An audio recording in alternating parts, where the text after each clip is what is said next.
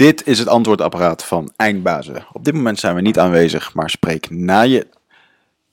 Daar ging je al fout, jongens. Kennen jullie dit? Dat je een voicemail inspreekt en dat het niet lukt? Dit was zo'n moment. Anyway, welkom bij een nieuwe aflevering weer. En je gaat vandaag luisteren naar een aflevering met Wouter van Noord. Wat een, een mooi gesprek is geweest over technologie, social media. Uh, daar gaan we straks naar luisteren. Eerst wil ik jullie nog even mededelen dat wij op 27 mei de allereerste en um, een hele bijzondere grote eindbasisshow gaan organiseren. Dat zal een evenement zijn in Amsterdam. Uh, een evenement over persoonlijk leiderschap met als thema geluk. En wij zijn op dit moment in gesprek met verschillende gasten, waaronder een Casper van der Meulen en een Paul Smit, die hebben toegezegd om hier aan mee te willen werken. En we zijn nu in de organisatie van dit alles, om dit mooi neer te gaan zetten. Dit wordt een dag met mooie presentaties en gesprekken eh, waar je heel veel over gaat leren. Uh, uiteraard over geluk. Hoe kan je je eigen geluk beïnvloeden? Wat is daar de kijk op van verschillende specialisten? En heeft het met fysiek te maken? Heeft het met je mentale gestel te maken? Of is het iets spiritueels? Um, ik heb er onwijs veel zin in. We gaan het houden in Wicked Grounds. Dat is een locatie in Amsterdam West. Uh, waanzinnige mooie high-tech locatie. Uh, die er toch heel erg huiskamerlijk uitziet. Dus daar kijk ik onwijs naar uit. Kijk daarvoor bij ons op de website. Ehm, daar wordt een pagina aangemaakt met meer informatie. En waar je je kaartjes kan bestellen. We hebben slechts 150 kaarten. Dus ik zou je adviseren om daar wel enige spoed mee te hebben. Want we verwachten een uitverkocht huis. Daarnaast zijn Michel en ik begonnen met het jaarprogramma voor ondernemers. Dus uh, ben jij een ondernemer, merk je misschien dat je vastzit in je ondernemen of dat je niet vooruit komt, dat je te weinig mensen hebt waar je mee kan sparren. Dan starten wij op uh, 25 april. Uh, op 24 april, ben even de datum kwijt. Starten wij de eerste dag van ons jaarprogramma uh, van 12 Waves, de Mastermind. En wat we hier gaan doen, is dat we samen met andere ondernemers gaan sparren over wat jij allemaal uh, op dit moment aan het doen bent, waar je naartoe wilt en hoe je dat gaat doen. En dan heb je om de zes weken hebben we daarin sessies, dan komen we bij elkaar. Uh, dan mag je gaan vertellen wat je allemaal hebt gepresteerd, waarom het wel of niet is gelukt en waar je, uh, wat het volgende probleem is wat we moeten gaan oplossen. Dan gaan we dan met z'n allen op schieten. En het mooie van deze sessies is dat er ook kennissessies bij zitten, waarbij je presentaties krijgt van mensen die volledig gespecialiseerd zijn in bijvoorbeeld sales, in financiën, in marketing, um, de Rockefeller Habit, dat zijn mooie termen die tegenwoordig worden gebruikt om te kijken hoe dat jouw bedrijf functioneert en op welke punten het niet goed loopt en waar dat dan aan ligt. En daar halen we allerlei specialisten um, aan boord om jou op een plek te brengen die over een jaar heel anders mag zijn als waar je nu bent. Heb je daar interesse in? Dan moet je even kijken op 12-waves.com. Uh, en dan even kijken bij de masterminds. Michel en ik die geven binnenkort ook nog wel wat online webinars. Die kun je, kan je vinden bij ons op de Facebookgroep. Ik adviseer je daarom eventjes te kijken om je eventjes in te lezen of dat dit wat voor jou is. En dan heb ik eigenlijk heel veel zin om... we hebben nog maar een paar plekken over, dus ik zou er wel een soort van zo snel mee zijn. Ik denk dat het, als je de volgende stap wil maken in je ondernemen, dan is dit een absoluut een, een goede investering in jezelf. Daarnaast wil ik nog eventjes onze sponsor benoemen. Dat is Nutrofit.nl. En we hebben op dit moment een nieuwe product binnengekregen. En dat zijn een paar MCT-olies van Onnit, de nieuwe. Uh, met verschillende smaken. Dat zijn uh, MCT-olies zijn een olie wat uit kokosvet komt, wat je door je koffie heen kan doen. En wat echt een uh, goede bron van energie is, zonder dat je daar dik van wordt. Tenzij je natuurlijk een hele grote mate gaat drinken.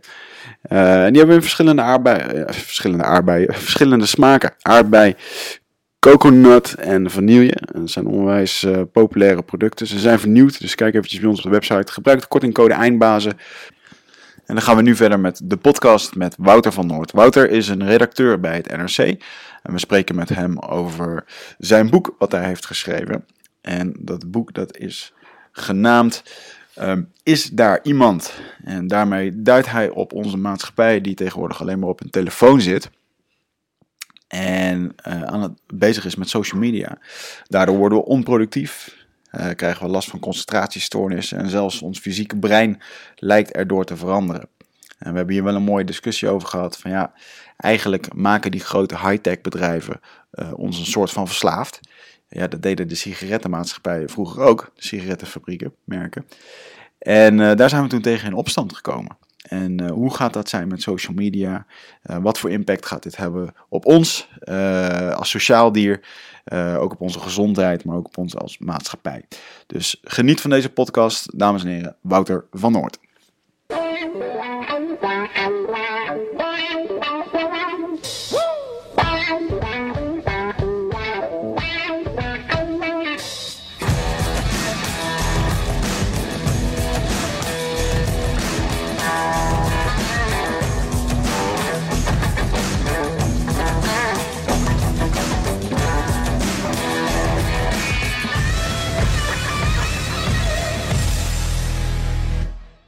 Als je het dan hebt over uh, hoogstaande technologie. De eerste 26 podcasts die deden wij op drie verschillende computers. Waar het allemaal apart opnam op de webcam. Ja.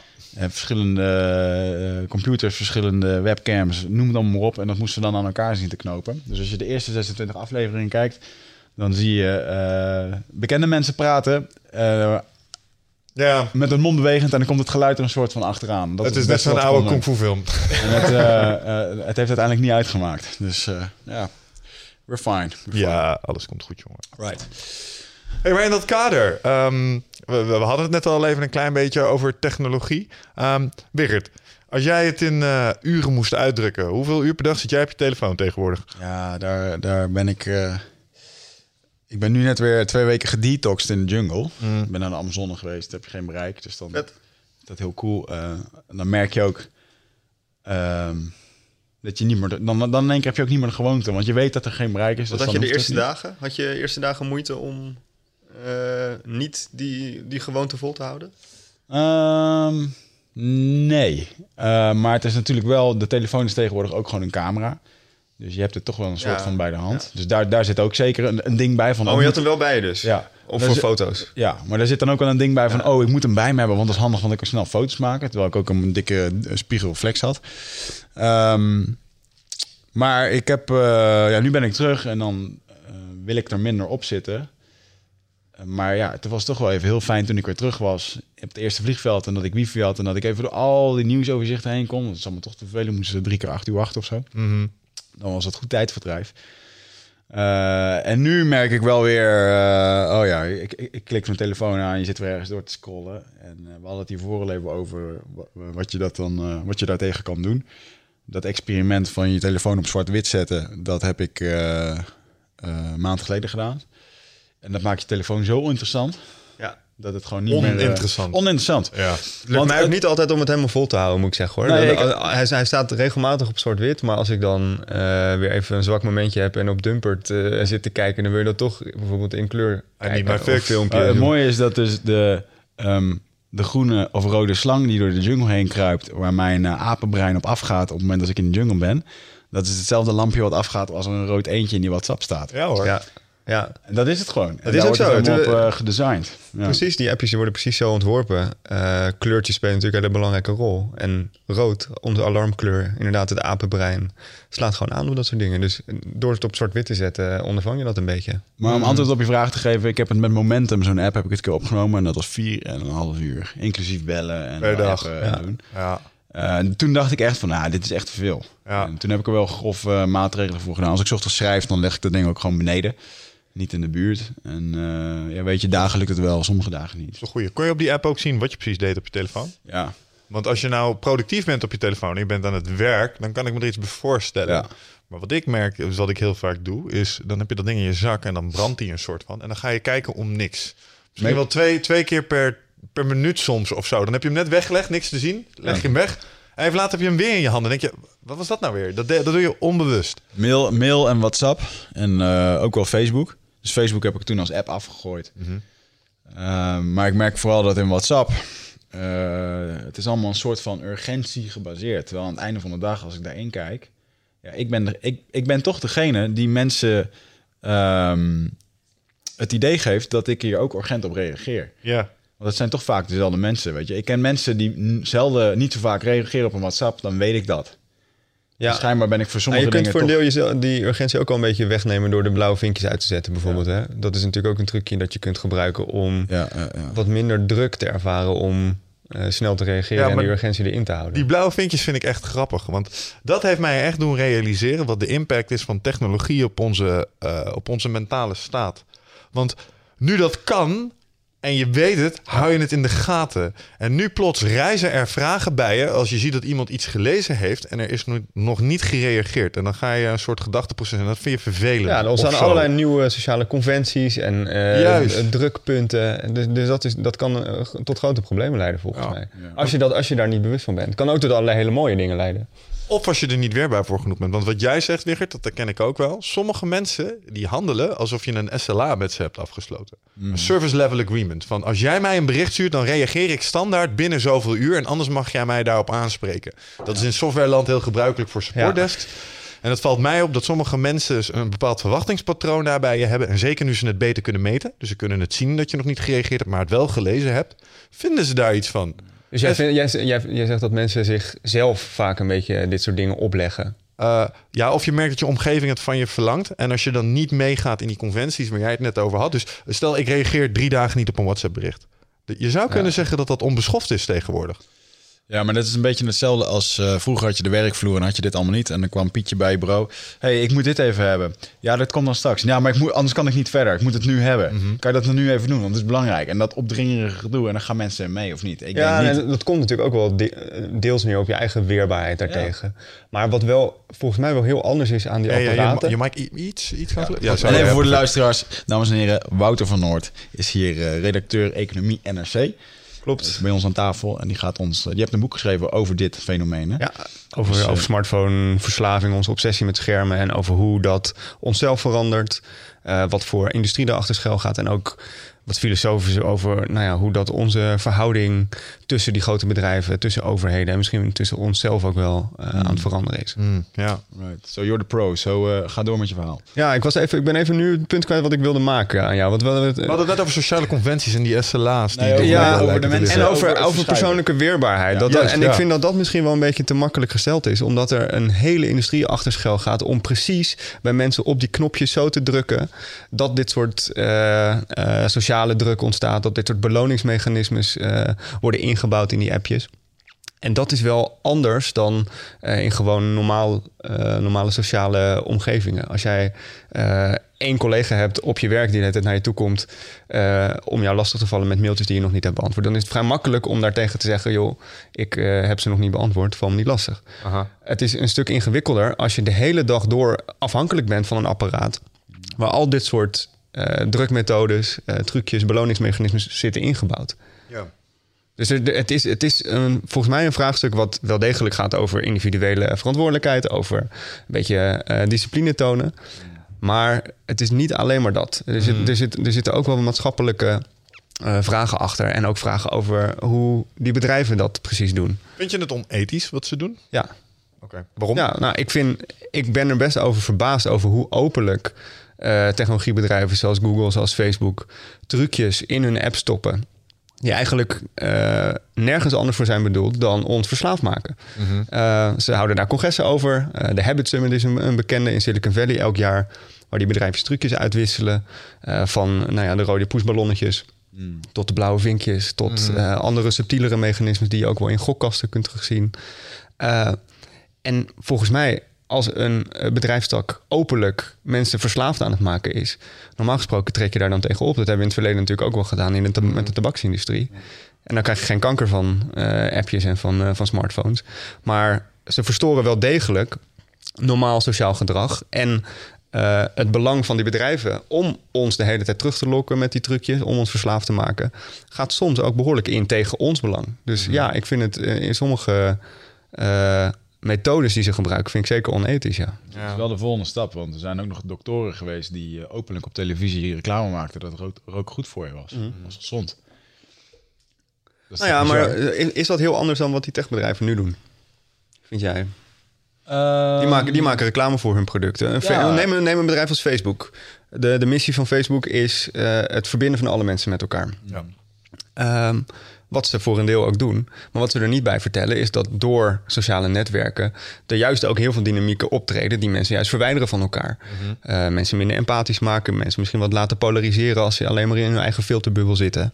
Ehm, Dus dat is toch wel, wel problematisch, lijkt Ja, maar me. dan stel je ook Facebook verantwoordelijk voor, eh, voor dat. Terwijl het nog steeds de mensen zelf zijn die eh, de keus maken of dat ze hier gebruik van maken. Ja, maar het kern van verslaving is natuurlijk dat het niet meer helemaal je eigen keuze is. Nee. En als ik jullie ook hoor beschrijven, wat ik zelf ook wel heb, is als je als een soort van gewoonte in je zak grijpt, eh, twee minuten nadat je je eh, tijdlijn voor het laatst hebt ververst.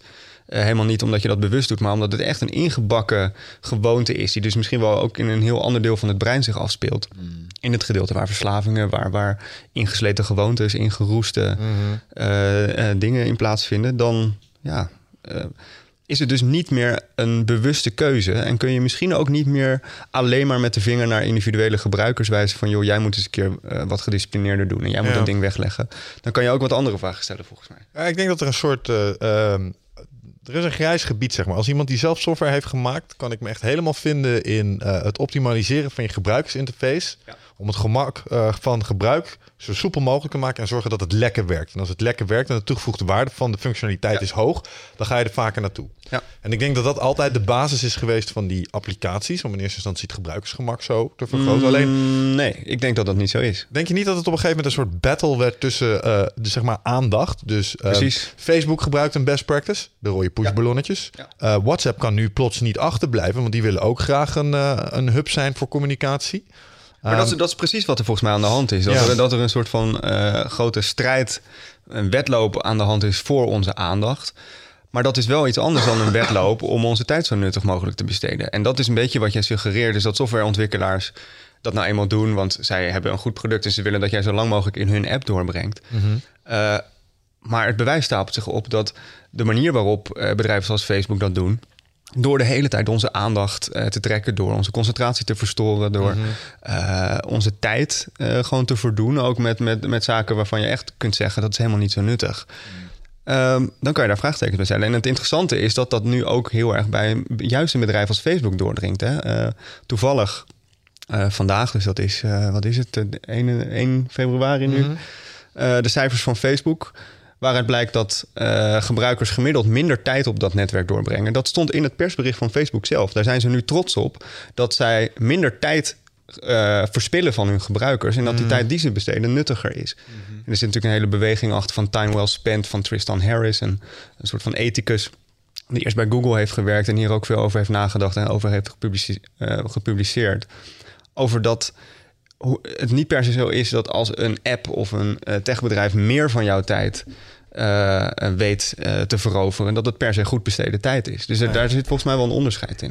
Ik vind dat eigenlijk wel hoopvol wat ik je hier hoor omschrijven. Het lijkt een beetje op alsof. en misschien is dat ook wel zo. Hè? Ik bedoel, die, die, die, die Facebook, WhatsApp. Het zijn allemaal bedrijven die zijn ongelooflijk snel gegroeid. De zeg maar, integratie van de smartphone in ons leven is relatief snel gegaan. Dus het is misschien ook niet gek dat we in eerste instantie proberen om dat zo veel mogelijk gebruikt te laten worden. En wat ik je nu dus zeg, is dat er een soort bewustzijn bij die bedrijven ontstaat. Waarbij ze zich afvragen: yo, wat hebben Ja, wij maar no voor shit, Sherlock. gemaakt? Ja, maar dit is toch, dit is al eh, twee, drie jaar glashelder dat dit aan het gebeuren is. Dit is, dit is ook al twee, drie jaar onderwerp van allerlei boeken en publicaties en, en zelfs parlementaire onderzoeken en zaken.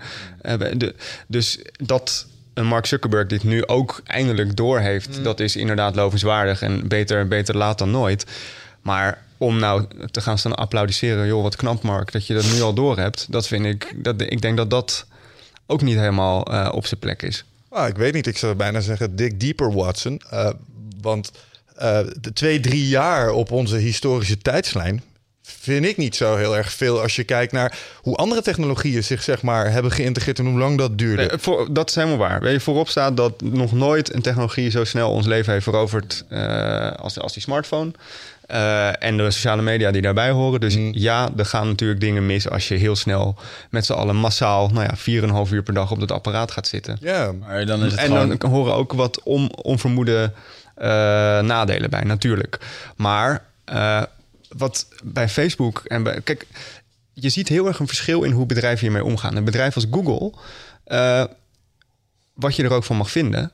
Die hebben wel al drie, vier jaar geleden die Tristan Harris ingehuurd als design ethicist, dus als ethicus om eh, producten beter te ontwerpen.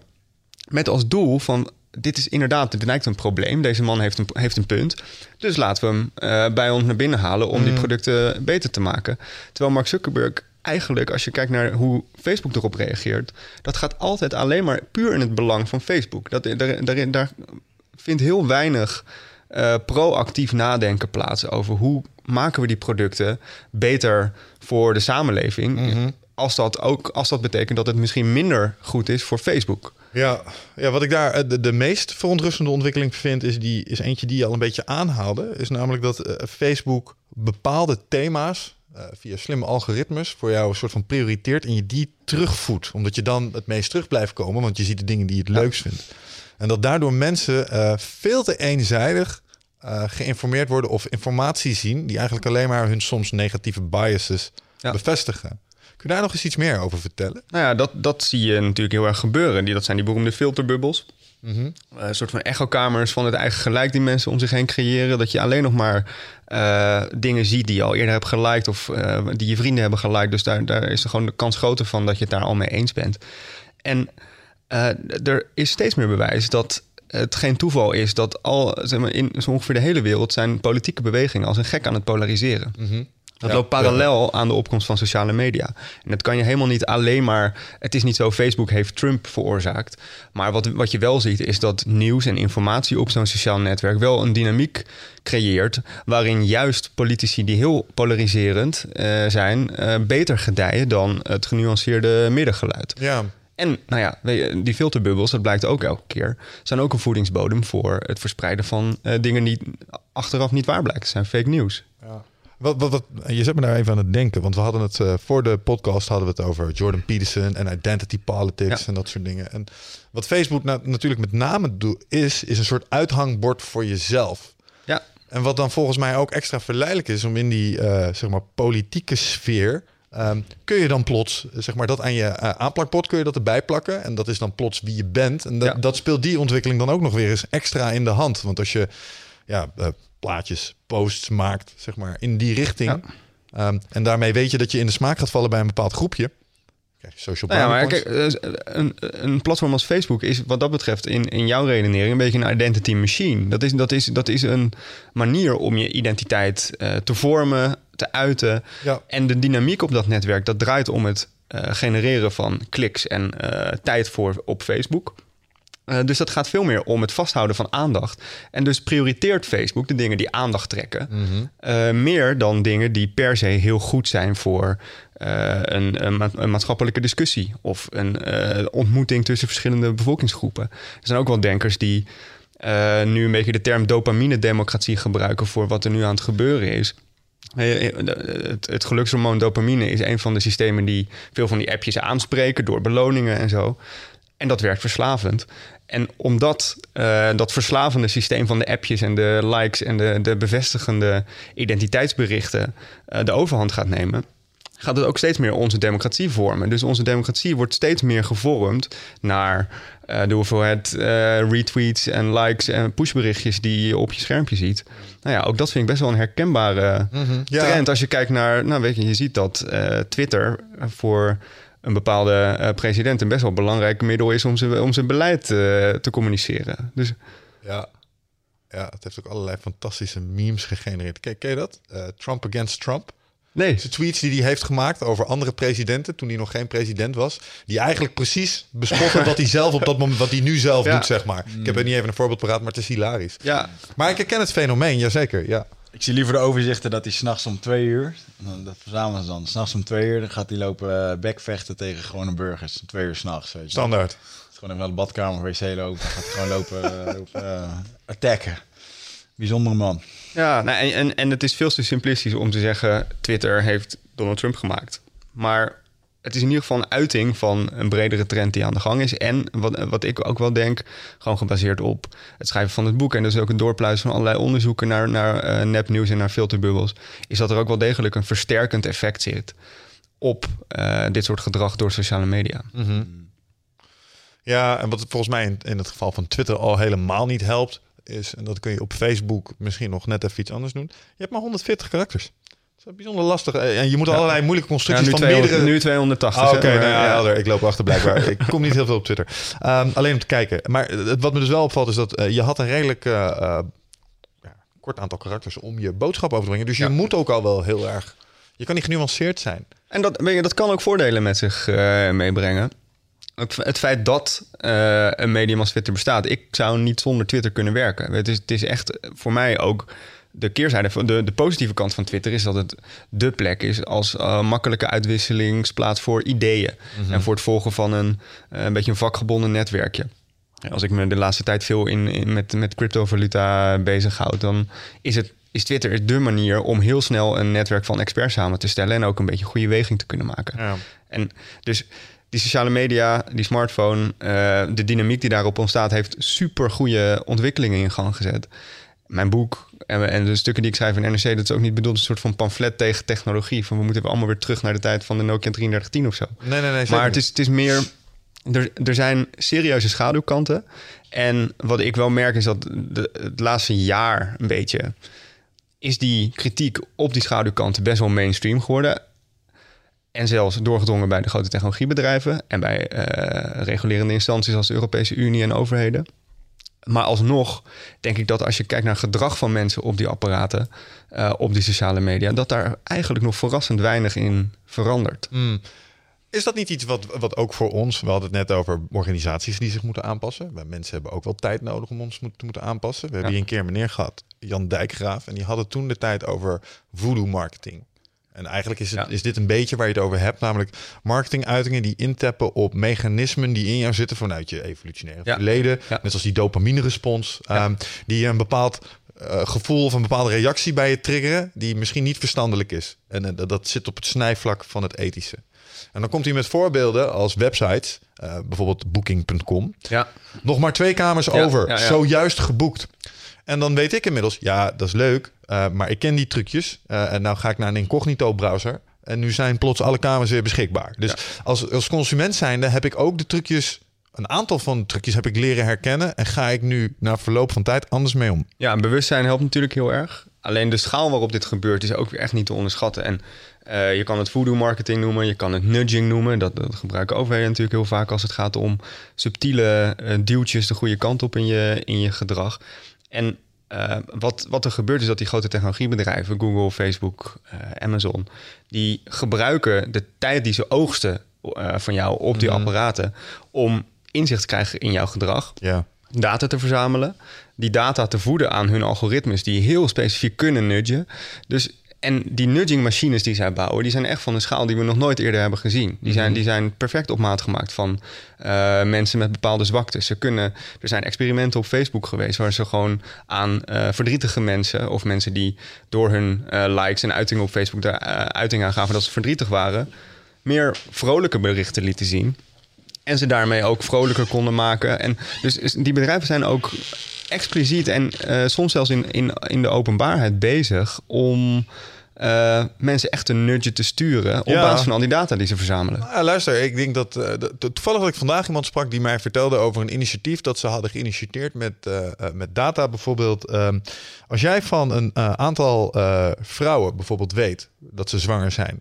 En je weet wanneer ze zwanger zijn geworden, dan kun je uitrekenen grofweg wanneer het kind zou bevallen. En als je dan Ja. dat kan koppelen aan hun Facebook-profiel, dan heb je plots een hub waarvan je weet er gaan hier een aantal producten in de komende 16 jaar gewild zijn. Af, dus N plus 4, zeg maar in die Ja. periode, luiers, Ja. babyvoeding. Dus we gaan heel gericht op die mevrouw de timeline, gaan we die producten nu neerzetten. Omdat we weten dat zij bij een groepje hoort. En toen dacht ik, oh wauw. Dus wat je eigenlijk doet, is je haalt gegevens uit een extern systeem. Dat koppel je op een of andere slimme manier, weet je, de match te maken naar Facebook. En vervolgens vanaf Facebook ga je die mensen weer heel gericht met marketinguitingen, Ja. ga je die benaderen. En toen dacht ik, ja, dit Ja, is, dit is het- de echte kern erachter namelijk. Want Zeker, dit, dit is de kern. Want het voorbeeld wat jij nu noemt, dat kan vooral heel goed worden als je dit doet met machine learning, een vorm van, van kunstmatige intelligentie. Dus Ja. patronen ontdekken in grote hoeveelheden data met, met behulp van slimme algoritmes.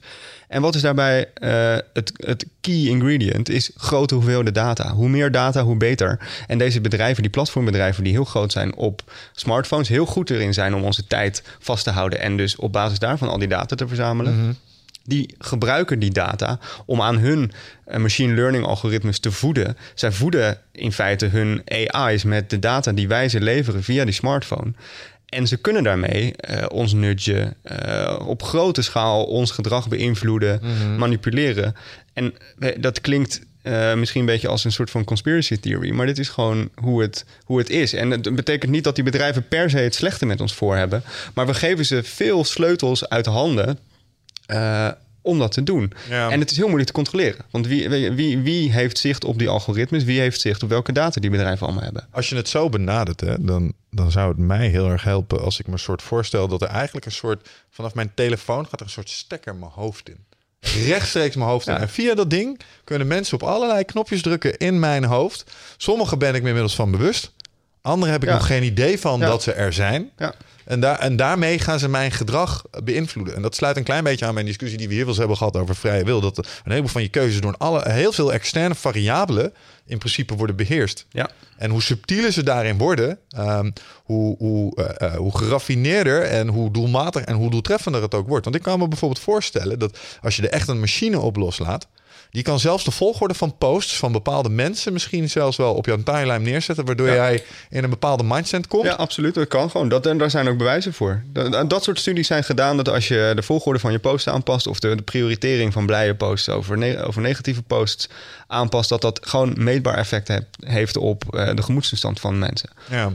ja, en ik snap dat inderdaad de, de toepassingen zijn zit op een spectrum. Je kan dit eh, heel Ja. malevolent inzetten, maar je kan dit misschien ook wel inzetten ten, ten goede. Absoluut. Nou, maar kijk, nudging is in principe, net zoals elke technologie, een, een middel. Een kleine hamer kan je gebruiken om iemands kop in te slaan en om een huis te bouwen. Ja, ja, en nudging eens. kan je gebruiken om eh, mensen eh, naar een eh, maatschappelijk gewenste uitkomst te duwen of een beetje, een beetje te, te, te manipuleren. En je kan het ook gebruiken om nou ja, puur op basis van gewin van grote technologiebedrijven gedrag te vertonen.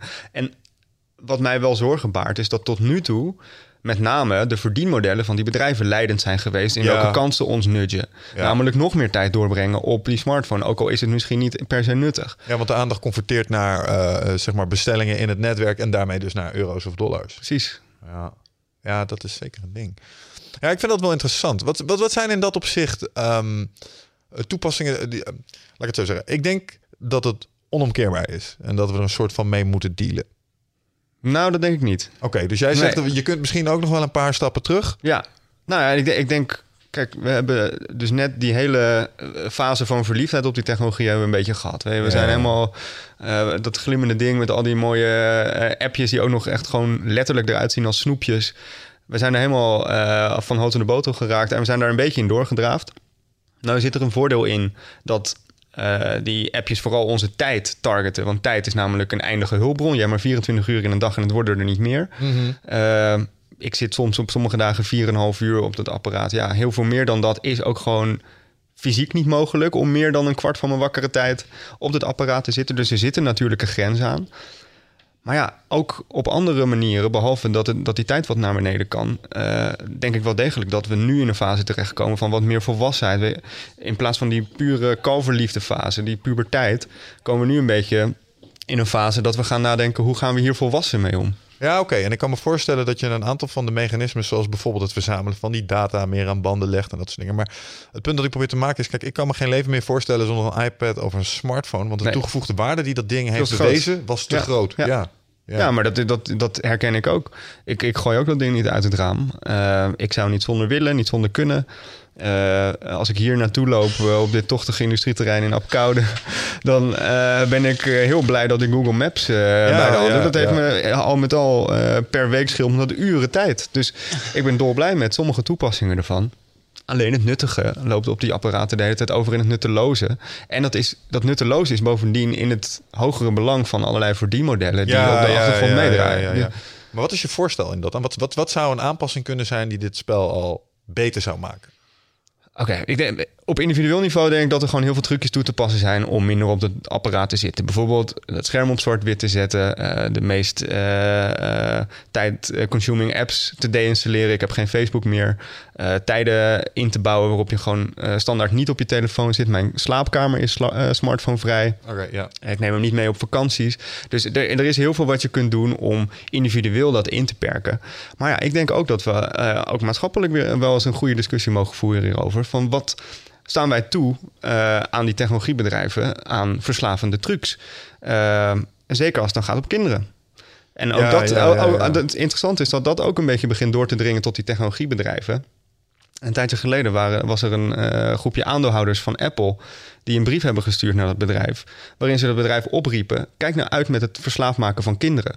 Want het is ten eerste niet zo eh, verantwoord. En ten tweede, dat deksel kan wel eens een keertje op je neus komen. Want eh, eh, overheden gaan dan optreden. Als jij massaal kinderen verslaafd maakt, dan komen overheden. En dan komt de regulering waar Apple waarschijnlijk helemaal niet zo blij van wordt. En dat is dus in het, in het lange termijn belang van Apple om dat te voorkomen. Dat zou wat zijn. Dus wat je eigenlijk zegt is, als je nou niet oppast, bedrijven, dan zou het maar zo kunnen zijn dat je app wordt gelijkgesteld aan wat we nu heroïne en cocaïne ook doen. Het wordt gewoon een, Ja. een schedule one. Kijk, anders, anders dan heroïne is, is een smartphone best wel nuttig. Hè? Dus eh, heroïne is niet zo heel nuttig. Nee, maar wat Eh, nou als jij een stukje software hebt gemaakt dat het digitale equivalent van heroïne is? Ja, nou in sommige, sommige functies, in sommige eh, feedback loops en gedragsloops en beloningsloops in die appjes zou je best wel kunnen vergelijken met verslavende substanties.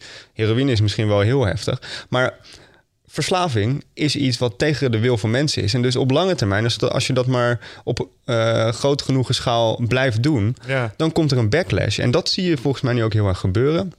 Ik was eh, vorige week was ik in Davos op het World Economic Forum, waar alle wereldleiders en CEO's samenkomen om het over, over wereldproblemen te hebben. En wat echt opviel, is dat de discussie daar over het reguleren van techbedrijven, dus echt het aan banden leggen van of de monopolies of eh, het expres verslaafd maken, dat dat een hele hoge vlucht heeft genomen en dat het een heel serieus onderwerp op de agenda is. En sterker nog, een van de alomtegenwoordige aanwezigen daar eh, in Davos is Mark Benioff, de baas van Salesforce. Die riep in een paneldiscussie riep hij gewoon, die, die smeekte bijna regulators om eh, regulering te maken voor de techmonopolies. En juist op het gebied van verslaafd maken. Dus die boodschap begint echt ook wel te resoneren. Niet alleen maar bij de techbedrijven zelf, maar ook bij degene die de techbedrijven hopelijk nog een beetje in toom kunnen houden. Mm, ja, de balans is in dat op zich wel zoek.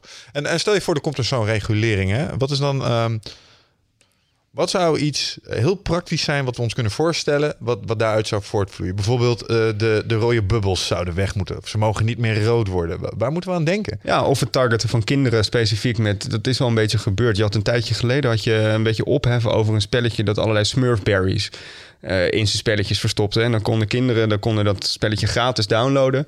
maar vervolgens heel makkelijk met een druk op het knop... allerlei debiele besjes kopen. En dat was precies zo ontworpen dat het het kinderbrein optimaal stimuleerde... en dus ouders handenvol met geld kosten. Ja, ja, ja, en dat is toen een beetje aan banden gelegd. En op, op breder vlak denk ik dat je wel, ook wel ziet... hoe regulering van smartphones en eh, specifieke dingen erop kan uitzien, eruit kan zien. Eh, bijvoorbeeld in de auto. In de auto zijn we nu heel hard op weg om eh, appen gewoon echt uit te bannen... met grote boetes, grote straffen. Op de fiets wordt het nu verboden, dus... Ik, kan, ik vind het eerlijk gezegd nog steeds raar dat het in klassen waar je geconcentreerd zou moeten zijn, waar je eh, juist baat hebt bij focus en bij eh, niet de hele tijd afgeleid worden door appjes, dat op heel veel middelbare scholen nog steeds niet echt goed is nagedacht over beleid eh, om wel of geen smartphones in de klas toe te staan. En Toen Ja. ik bij mijn vorige carrière eh, voor, een grote, voor de grootste Apple reseller van Nederland werkte, werd er een baan voor mij gecreëerd. samenwerken met Apple als education manager. Ja. Dus mijn, het was mijn taak om eh, onderwijs Nederland aan de Apple te helpen. En daar vond ik wel dat ze een hele mooie filosofie hadden. Want ehm, de mobiele telefoon in de klas, wel of niet, was inderdaad een discussie. Ja. En terwijl eh, de ouderwetse die zouden zeggen, nee, dat moeten we niet doen. Maar goed, vroeger schreven we briefjes naar elkaar, gaf je die door. Ik vind het niet ouderwets, maar, eh, Dat is nog steeds zo.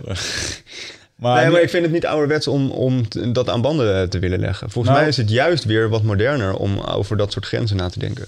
Eh, ja, maar ik vond hun manier van aanpak ook wel weer mooi. Dat ze zeiden van je kan het niet tegenhouden. Dus laten we er dan gebruik van maken. Dus in plaats dat we op de ouderwetse manier wederom hetzelfde werkstukje als vorig jaar laten maken. Die leraren zijn eigenlijk een soort van. Tuurlijk. Ja. Zei Apple van jongens, Ja. pak nou zo'n Mac. In het idee van dat iedereen een Apple had. En in Amerika gaat het makkelijker. hè. Dan zeggen ze gewoon de universiteit van joh, we willen graag met jullie werken. Iedereen krijgt hier een MacBookje. Get them young.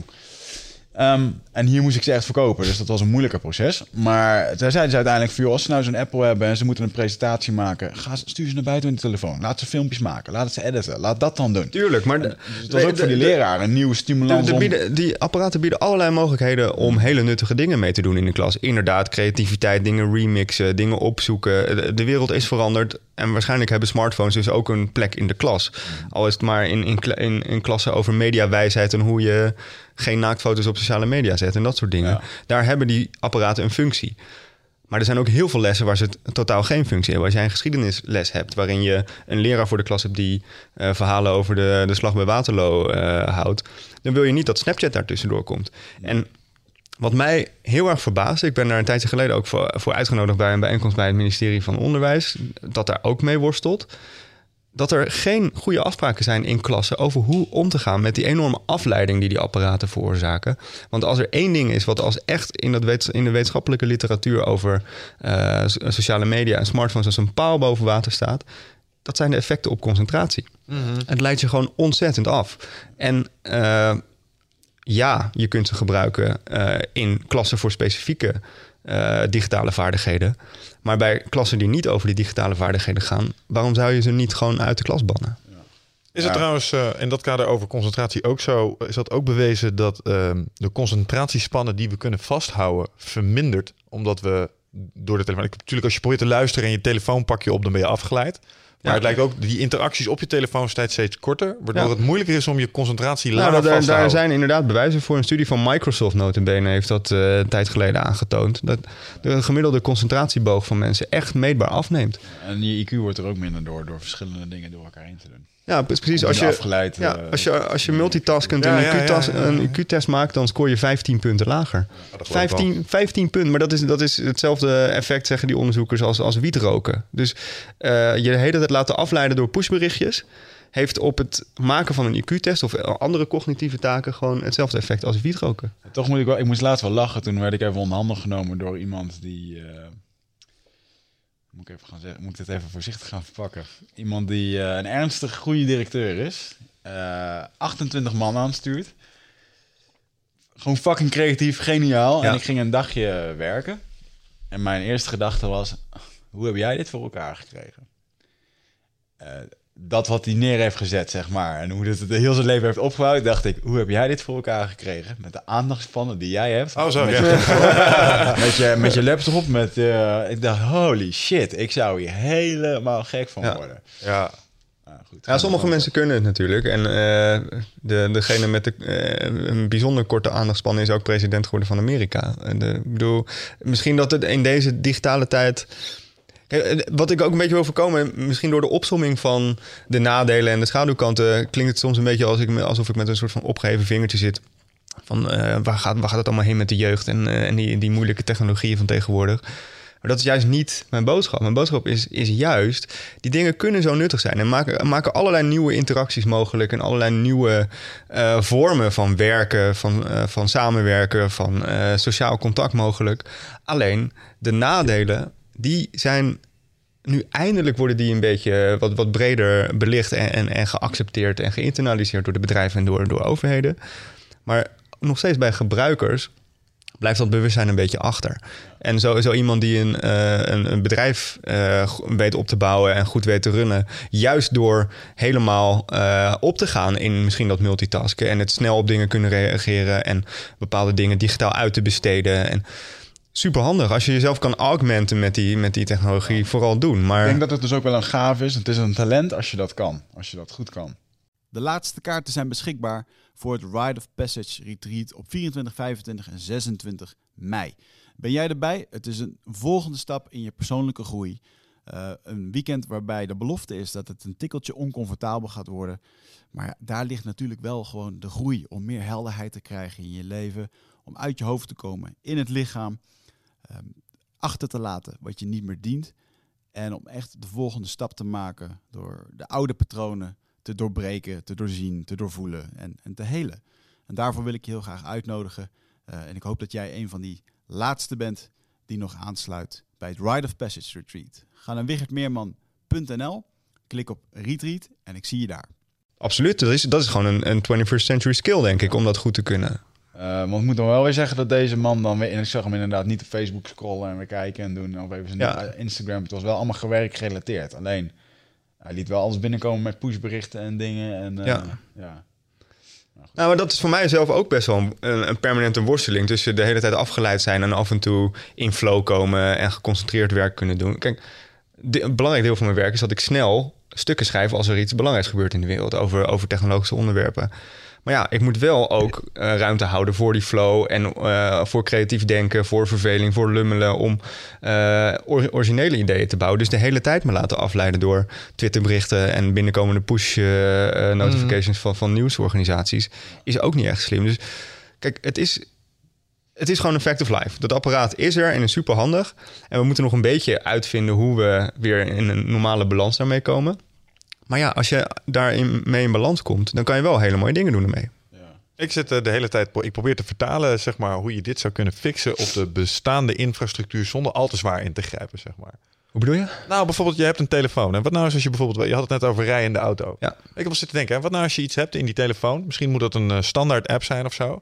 Die er gewoon vanuit gaat dat tenzij jij dat echt heel expliciet aangeeft, echt dat ding, als je boven een bepaald aantal kilometers per uur je voort beweegt, Precies. dat dat ding gewoon een bepaalde functionaliteit niet, niet aanzet. Je kan niet in WhatsApp. Ja, je, je navigatie, die mag Maar ik geloof daar heel erg in. Zeg maar, wa- wat, je, wat jij hier een beetje voorstelt is slimme eh, adaptable filters op eh, je smartphone. Dus Ja. eh, contextgerelateerde, Ja. tijdgerelateerde filters, locks, dingen wa- waardoor je bepaalt wat je wel en wat je niet op je thuisscherm wil, welke berichten je wel en niet binnenkrijgt.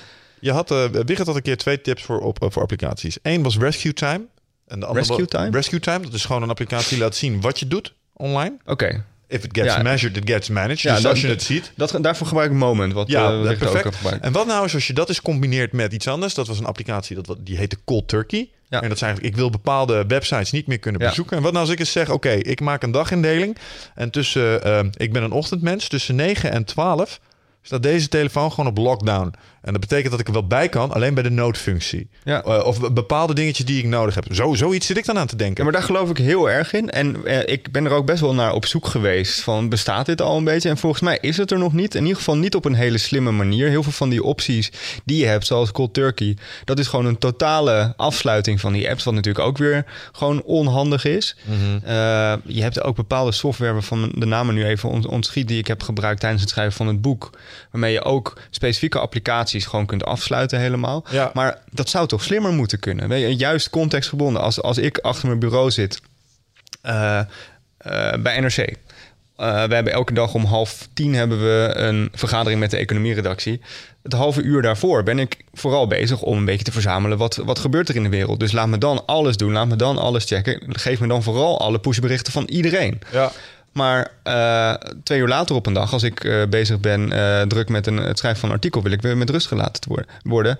En dat zou geautomatiseerd moeten kunnen worden, zou je denken. Ik zou me kunnen voorstellen dat er een knop zit op mijn laptop. Net zoals dat er nu een knop zit die mijn wifi uitzet. Dat is de snelste manier om in flow te komen. Zet gewoon je wifi uit. De meeste laptops hebben zo'n Ja. switch, klik. Ja. En ineens heb je geen internet meer. Awesome. Maar er zou ook een knop kunnen zijn die zegt... Ik druk je nu op. Pup, mijn tekst verwerken doet het nog. Er gaan een paar filters aan op mijn webbrowsers. Ik mag nog Ja. naar Wikipedia en dat zingen. Maar sommige dingen kan ik gewoon even niet meer. Ja, die zijn er wel, die eh, apps. En als ze er niet zijn en iemand luistert... Nou, maak het alsjeblieft. Nou, ik Hier, net die zeggen- eerste klant. eh. ik, ik kan me toch voorstellen dat er wat luisteraars van deze podcast zijn die, die een beetje in, in dit veld eh, actief zijn. Dus, Het kan niet moeilijk zijn. En hier is volgens mij een, een grote markt voor. Oh, weer, Maar ook zo'n app dan? die eh, met snelheden bijvoorbeeld eh, functionaliteit uitzet als je rijdt of zo. Oh nee, dat niet. Maar wel eh, dat je bepaalde pagina's wel of niet kan... eh, Ja, oké. ja, ja, ja. Maar bijvoorbeeld eh, dat het echt... en waar ik dan aan zit te denken, als je het dan hebt over regulatie... misschien moet je een dergelijke eh schil eroverheen, zeg maar. Net zoals dat we nu een standaard aan- en uitknop... en een, en een airplane, airplane mode hebben. Misschien moet er wel een standaard focus mode op zo'n ding komen. Ja. Nou ja, je hebt natuurlijk, je kan het in vliegtuigenstand zetten. Maar eh, heel veel van die filters en.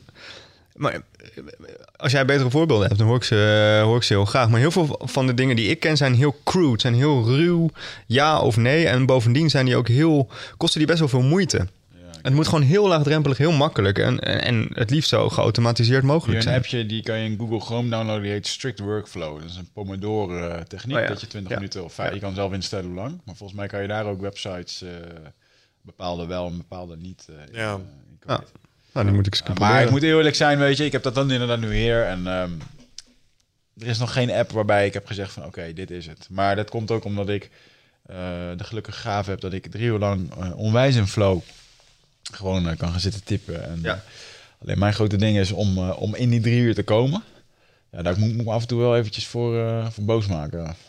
Ja, en isoleren. En, En je isoleren. telefoon dus Ja, uitzetten. isoleren is voor mij ook de strategie. Ik ja. ga ook regelmatig, we hebben van die stiltehokjes eh, bij NRC waar je dan in kan gaan zitten. Of ik werk thuis waar je ook wat makkelijker eh, stil en Ja, alleen hoor. bent. Ehm, Maar goed, dat kost veel moeite. En dat kost steeds meer moeite, merk ik ook. Door al die pushberichtjes en door het, al het aanbod wat uh, Ja. Ja, de dat, is met het, als iedereen gaat mediteren 10 minuten per dag, dat is leuk als je dat doet. Ja. Maar als je de 23 uur en 50 minuten per dag afgeleid bent, dan train je jezelf dus om afgeleid te zijn. En Ja. dan is dat heel moeilijk. Precies. Maar waarom doen mensen dat? Ik denk ook deels door een verwachting. Ik bedoel, eh, ik spreek hier wel eens over met mensen in trainingen. En dan, eh, dan zeggen ze van ja, maar ja, ehm, op het moment dat ik dat wil doen, eh, dan kan ik mijn telefoon niet oppakken. Of eh, mis ik potentieel e-mail. En dan denk ik, ja, maar wat maakt dat nou uit? Nee, maar dat is natuurlijk ook. Ik neem dus nu mijn telefoon niet meer mee op vakanties. En een van de dingen die je daarvan leert, is dat je echt niet zo belangrijk bent als je denkt. En dat heel vaak problemen, problemen lossen zich echt vanzelf op. Ja. En zo niet, dan is er een week later na je vakantie ook nog vaak ruim de gelegenheid om dat probleem op te lossen. Ja. Dus jij maakt Ja. geen selfies op vakantie. Nee, dat laat ik mijn vriendin voor me maken. Kijk, mijn Oh, vriendin neemt, nee. neemt dan wel vaak een telefoon mee. eh, want uiteindelijk is het wel handig om te kunnen navigeren. En voor, eh, we hebben één keertje gehad dat ik bijvoorbeeld mijn telefoon niet mee had... drie weken lang naar Sri Lanka en de Malediven. En toen was er iets mis met mijn creditcard. Ja, dat is zo'n ding wel Dat handig is ineens. echt heel erg lastig. Ja, ja, ja. En, en dan, moet je, dan heb, ben, ben je blij dat mijn vriendin wel een telefoon bij zich heeft. Maar in elk geval heb ik dan niet de pushberichtjes en de sociale media... die me de hele tijd afleiden. Nee, maar wat, wat, waar ik ook naartoe wou met, eh, met die situatie dat mensen zich isoleren. Bijvoorbeeld, het is voorkomen mogelijk wat jij ook doet. Om eh, als je in die flow state wil, die isolatie, joh, leg die telefoon weg. Of eh, je kunt die. ik heb die eentjes uitgezet. Dat was mijn oplossing. Ik zet Ja. gewoon al die, die balloons uit. Ja. Want mijn spelletje was 's ochtends altijd... oh, er zitten er daar 20 en daar 15 en daar... en ik was al die dingen aan het wegwerken. En dan pas had ik rust in de kop. Want anders zaten er dingen. Ja. En omgekeerd, dat doen mensen ook. Want die tele, we hebben het nu met name over die telefoon. Maar je wil niet weten hoeveel mensen gedurende hun werk... bijvoorbeeld die, die eh, pop-ups hebben van... ehm, hoe heet dat? Slack en zo. eh, Ja, ja. eh, of eh, van, eh, van e-mails. Snap je wat ik bedoel? Oh, oh, dat. Vooral bij Windows vind ik dat zo'n Ja. irritant icoontje. Poem, echt zo'n vierkantje. Ik gebruik al jaren geen Windows meer, maar nee joh, dat soort dingen zijn echt... eh, Maar je merkt ook, dat, dat is ook wel een goed voorbeeld van hoe sociale druk kan zorgen dat je nog meer van die pushberichtjes krijgt. Want Bij ons, nou ja, eh, sinds een tijd zijn we vol aan het slacken en eh, Ja. eh, die applicatie aan het gebruiken voor makkelijk overleg. Maar dat betekent dus wel dat je weer een nieuwe applicatie moet gaan in- installeren... die weer allerlei pushberichtjes en, en, en, en trucjes inbouwt om je aandacht vast te En houden. een nieuw kanaal waar het binnen kan komen. Ja, Want je hebt er weer een zoveelste poortje en bakje... waar potentieel maar dingen dat is in... dus ook... En ik denk, ik denk heel erg dat... Weet je, alles gebeurt in cycli. En nu zijn we een beetje aan de, aan de bovenkant van die golf van eh, overdata aan appjes en eh, pushberichtjes en, Ja. en, en trucjes. En je ziet nu, er komt natuurlijk een hele, hele stroming op van minimalism en van eh, mindfulness en juist focus. En dat gaat lijnrecht in tegen waar we nu mee bezig zijn met die overload aan dingetjes. En ik kan me niet voorstellen dat deze trend zich niet voortzet op ons homescreen. Dus dat, dat, dat er filters komen, dat er eh, misschien wel eh, regels komen om eh, die appmakers ons minder verslaafd te laten worden, waardoor we er moet hard voor gewerkt worden, maar dat we uiteindelijk wel weer in een situatie terechtkomen waarin er wat meer helderheid is en wat, wat minder afleiding. Ja, en misschien wordt het ook... zit eigenlijk te wachten totdat de eerste stickers erop komen. Social media is dodelijk. Dat is een beetje waar we naartoe willen. Ja. Of dat het niet meer openbaar... Hè, weet je nog de tijd dat op de middelbare school... er ging iedere keer 45 cent omhoog een pakje sigaretten. Ik rookte toen nog. En dan in één keer mocht er niet meer geadverteerd worden. Die stoere cowboys van Camel. Ja, dat van nog, Marlboro. ja, ja, Dat waren ja, echte ja. mannen, weet je wel. Ja. Ja, eh, eh, toen we, ik, ik ben er in mijn boek een beetje van, van weggebleven, van dat soort vergelijkingen. Want ik het wel heel polemisch vond om eh, ze één op één, zeg maar, de tech-industrie één op één met de tabaksindustrie te vergelijken. Maar tot mijn verbazing, die Mark Benioff van Salesforce in Davos, die maakte precies die vergelijking. En je hoort hem nu veel vaker ook van die tabaksindustrie en die tech-industrie. Tuurlijk er zijn allerlei verschillen, je krijgt geen kanker van. het is, het is een stuk. We mogen in ons handjes knijpen dat we dan verslaafd worden gemaakt aan een apparaat dat ook nog nuttig is. Maar ja, die verslaving en de, de nadelige maatschappelijke en gezondheidseffecten, zeker psychologisch, zeker voor kinderen. Ja, dat, dat zijn wel se- serieuze zaken, denk Wat, ik. wat doet dit op jonge kinderen? hè? Want ik zie nu inderdaad, ik sprak laatst een jochie, die was 18 jaar, 8 jaar. Vind ik nog niet, ja, is ook een jong kind, maar nog niet zo jong. Nee. Maar ik weet nog wel dat een vriend van mij, die had gewoon een kind van anderhalf. En die swipte gewoon zijn telefoon over. Ja hoor. Mijn neef is ook... Ja. En, en een kind van acht, wat ik toen sprak, die Ja. hoe die naar school ging. Zeg, joh, heb jij nog een boekentas of zo? Wat ik vroeger had. En die werd dan van je fiets afgetrapt en zo. Dat soort problemen. Dat waren dat je first world problems. Ehm, maar die zei gewoon van, joh, nee, ja, we hebben gewoon een iPad. En alles is gewoon Ja. eh, online. Dacht ik, oh, Het lastige aan dat soort dingen is dat daar gewoon eigenlijk wetenschappelijk gezien heel weinig zinnigs over te zeggen is. Omdat de, het lange termijn onderzoek wat je Is nodig hebt om daar echt eh, harde uitspraken over te doen is er nog niet. Er zijn wel een aantal behoorlijk zorgwekkende tekenen over eh, wat eh, zeker bepaald gebruik, overmatig gebruik van sociale media met de psyche van, van jonge mensen doet. Dingen als eenzaamheid. Eh, er zijn interessante experimenten van Sherry Turkle, een MIT-hoogleraar die ook veel boeken over heeft geschreven. Dat eh, eh, het, het, het gebrek aan echte gesprekken, aan echt contact, aan eh, lichamelijk contact, aan oogcontact ervoor zorgt dat je eh, eh, gewoon meetbaar minder empathisch wordt. Dus dat kinderen bijvoorbeeld als ze eh, eh, als een klasgenootje eh, een opa of oma overlijdt, dat ze gewoon minder medelijden hebben in, in vragenlijsten en dat soort zaken. Eh, er is heel interessant onderzoek, vind ik, de laatste tijd wordt gedaan door Gene Twenge. Dat is eh, ook een, psycho- Amerikaanse psycholoog. Die heeft laatst een boek iGen geschreven over wat, zeg maar, de iGeneration. Wat eh, iPhones en die smartphones met de jonge generatie doen. En eh, nou ja, dan zie je echt wel zaken als eenzaamheid, grote, op grote schaal gedragsveranderingen.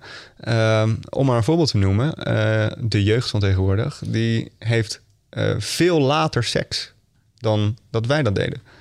Dat is interessant. Omdat Ander- ik juist dat is een omgekeerde verwachting ja, zou je hebben. zou denken, Ja. Tinder, porno, alles is, alles is Ja, maar zeiden we dat ook? Laten we wel weten, jongens. Toen ik, toen ik op de middelbare school was, toen was ook al de ouderen... Oh, jongens hebben zo vaak... Ze hebben nu zo snel seks. en Nee, dat was maar dat, is dus, niet. maar dat is dus niet zo.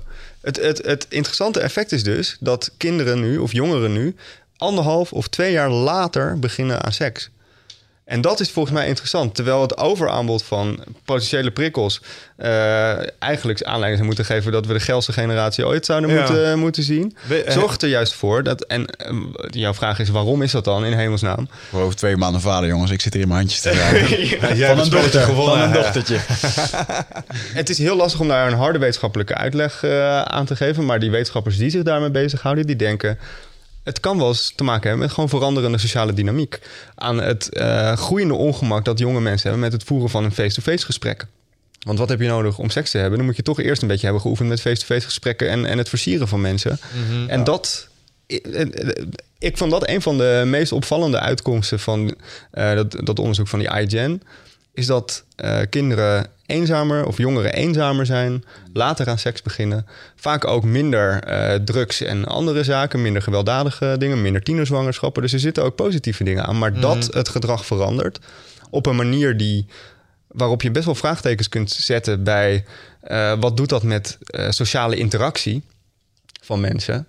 Eh, Ik zit daar even over- over na te denken. voorbeeld kan je echt al gewoon in Japan doen. Ik kijk best wel vaak Vice. Nou, Vice is natuurlijk gewoon een beetje de geen stijl, maar dan internationaal.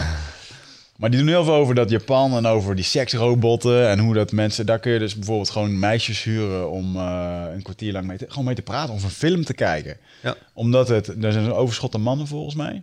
En natuurlijk ook de, ja, ze zijn niet zo open en vrij als bij ons. En daarmee zie je inderdaad dat mensen echt, als je daar in de metro staat, dan zit iedereen alleen maar op zijn telefoon. En dat is nog tien keer erger met al die spelletjes en dingetjes die ze doen. En helemaal van die uh, ja, soort secteachtige dingen waar ze wel in lijken te zitten. Uh, maar ik denk dat dat gewoon een, uh, dat, is het, dat is een voorbeeld over hoe het eruit zou kunnen zien.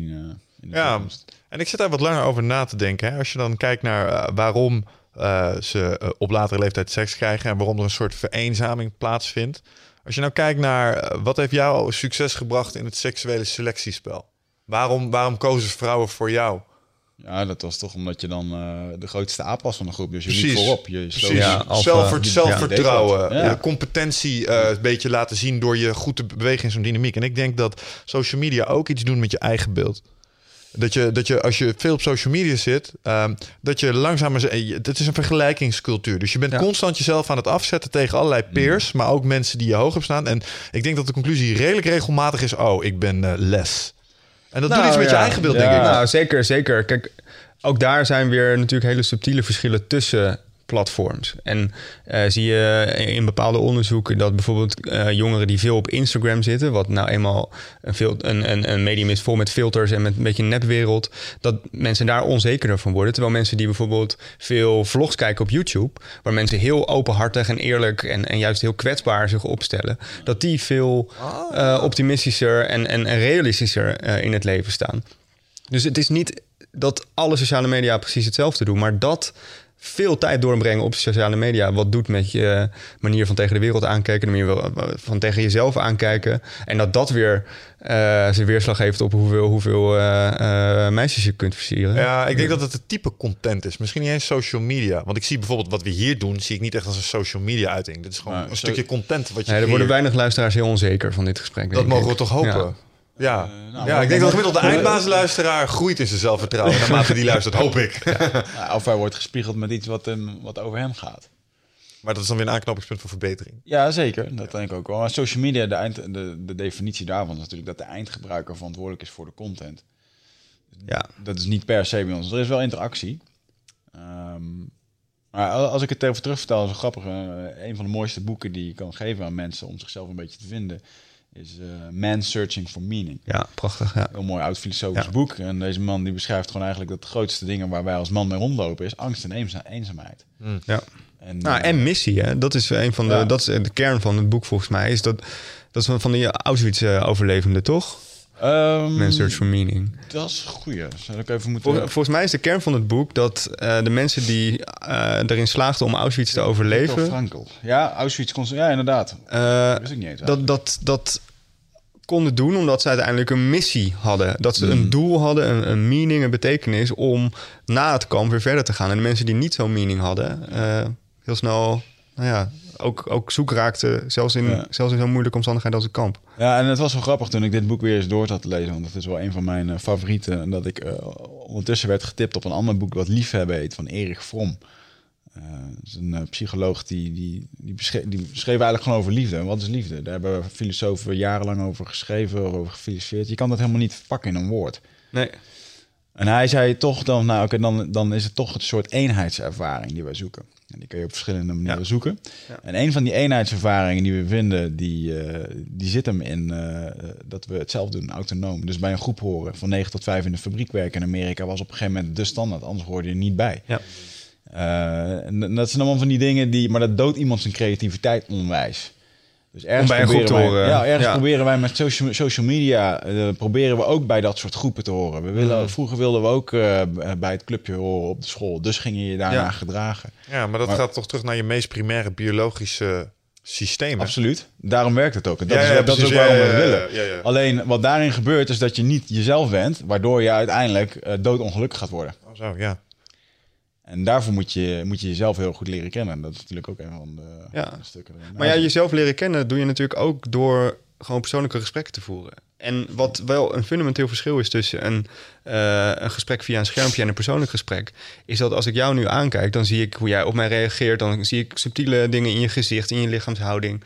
Uh, als ik jou beledig, dan zie ik dat, dat je dat vervelend vindt. Dus die feedback die is ontzettend belangrijk voor het uh, vormen, ook van mijn eigen gedrag. En zeker als je een beetje in de vormende fase bent van je leven. Mm. En, je, en je zit alleen nog maar op schermpjes te kijken, dan, dan nou ja. kan je misschien wel een tekort krijgen aan echte feedback en dan dus uh, empathie ontwikkelende sociale interactie. Ik weet zeker dat iedereen hier aan tafel een keer gezeik heeft gehad met zijn wijf, omdat ze niet het grapje begreep dat je WhatsAppte. Ja. De, de knipoog erachter werd niet geïnterpreteerd als een knipoog, dus het werd sec geïnterpreteerd en plots had je hoofdpijn. Nou, of neem, of neem het feit dat, uh, ja, jij komt niet zoveel op Twitter, zei je, maar uh, de mensen die er wel vaak komen, die, die zullen weten het is één grote uh, cesspool van uh, beledigingen en boosheid. En, ja, ja.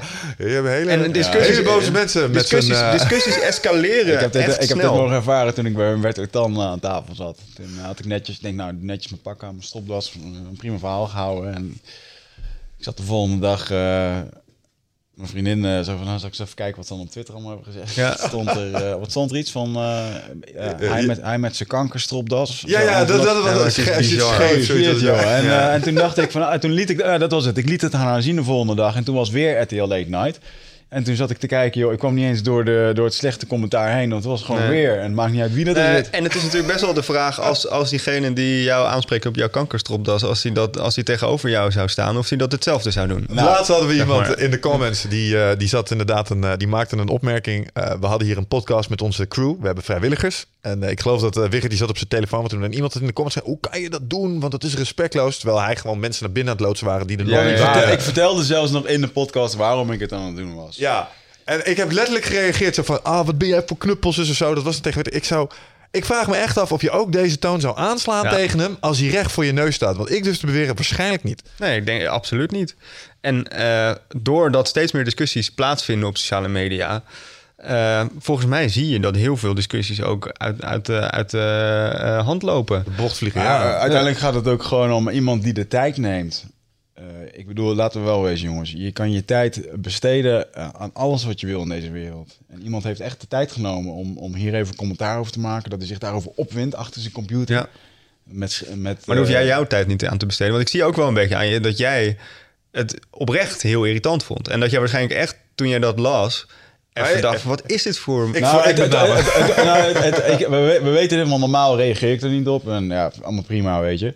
Alleen nu was het grappig, omdat Michel erop had gereageerd. En ik had gezien, toen Michel daarop reageerde, toen was hij pissig. Ja, ja, ja, ja. Dat- ja, ja, en- ja. en dus wij doen dat in de regel niet. Eh, dus ik stu- stuurde toen een screenshot van, van hier was je visser. Hè? Dus daarom is het nu een beetje top of mind. Maar nou, we hebben het hier ook met Patrick Kik over gehad. Die natuurlijk ook een Ja. boegbeeld op de radio was. Die zei ook, joh, je, je ergens trigger je wat bij die mensen... waardoor ze zich zo ontzettend gefrustreerd voelen... dat ze zo'n opmerking moeten maken. Maar het heeft Ja. nooit iets met iemand anders te maken, weet je. Ik kan iemand anders niet laten voelen over hoe dat hij zich voelt. Dat iets zit in hem.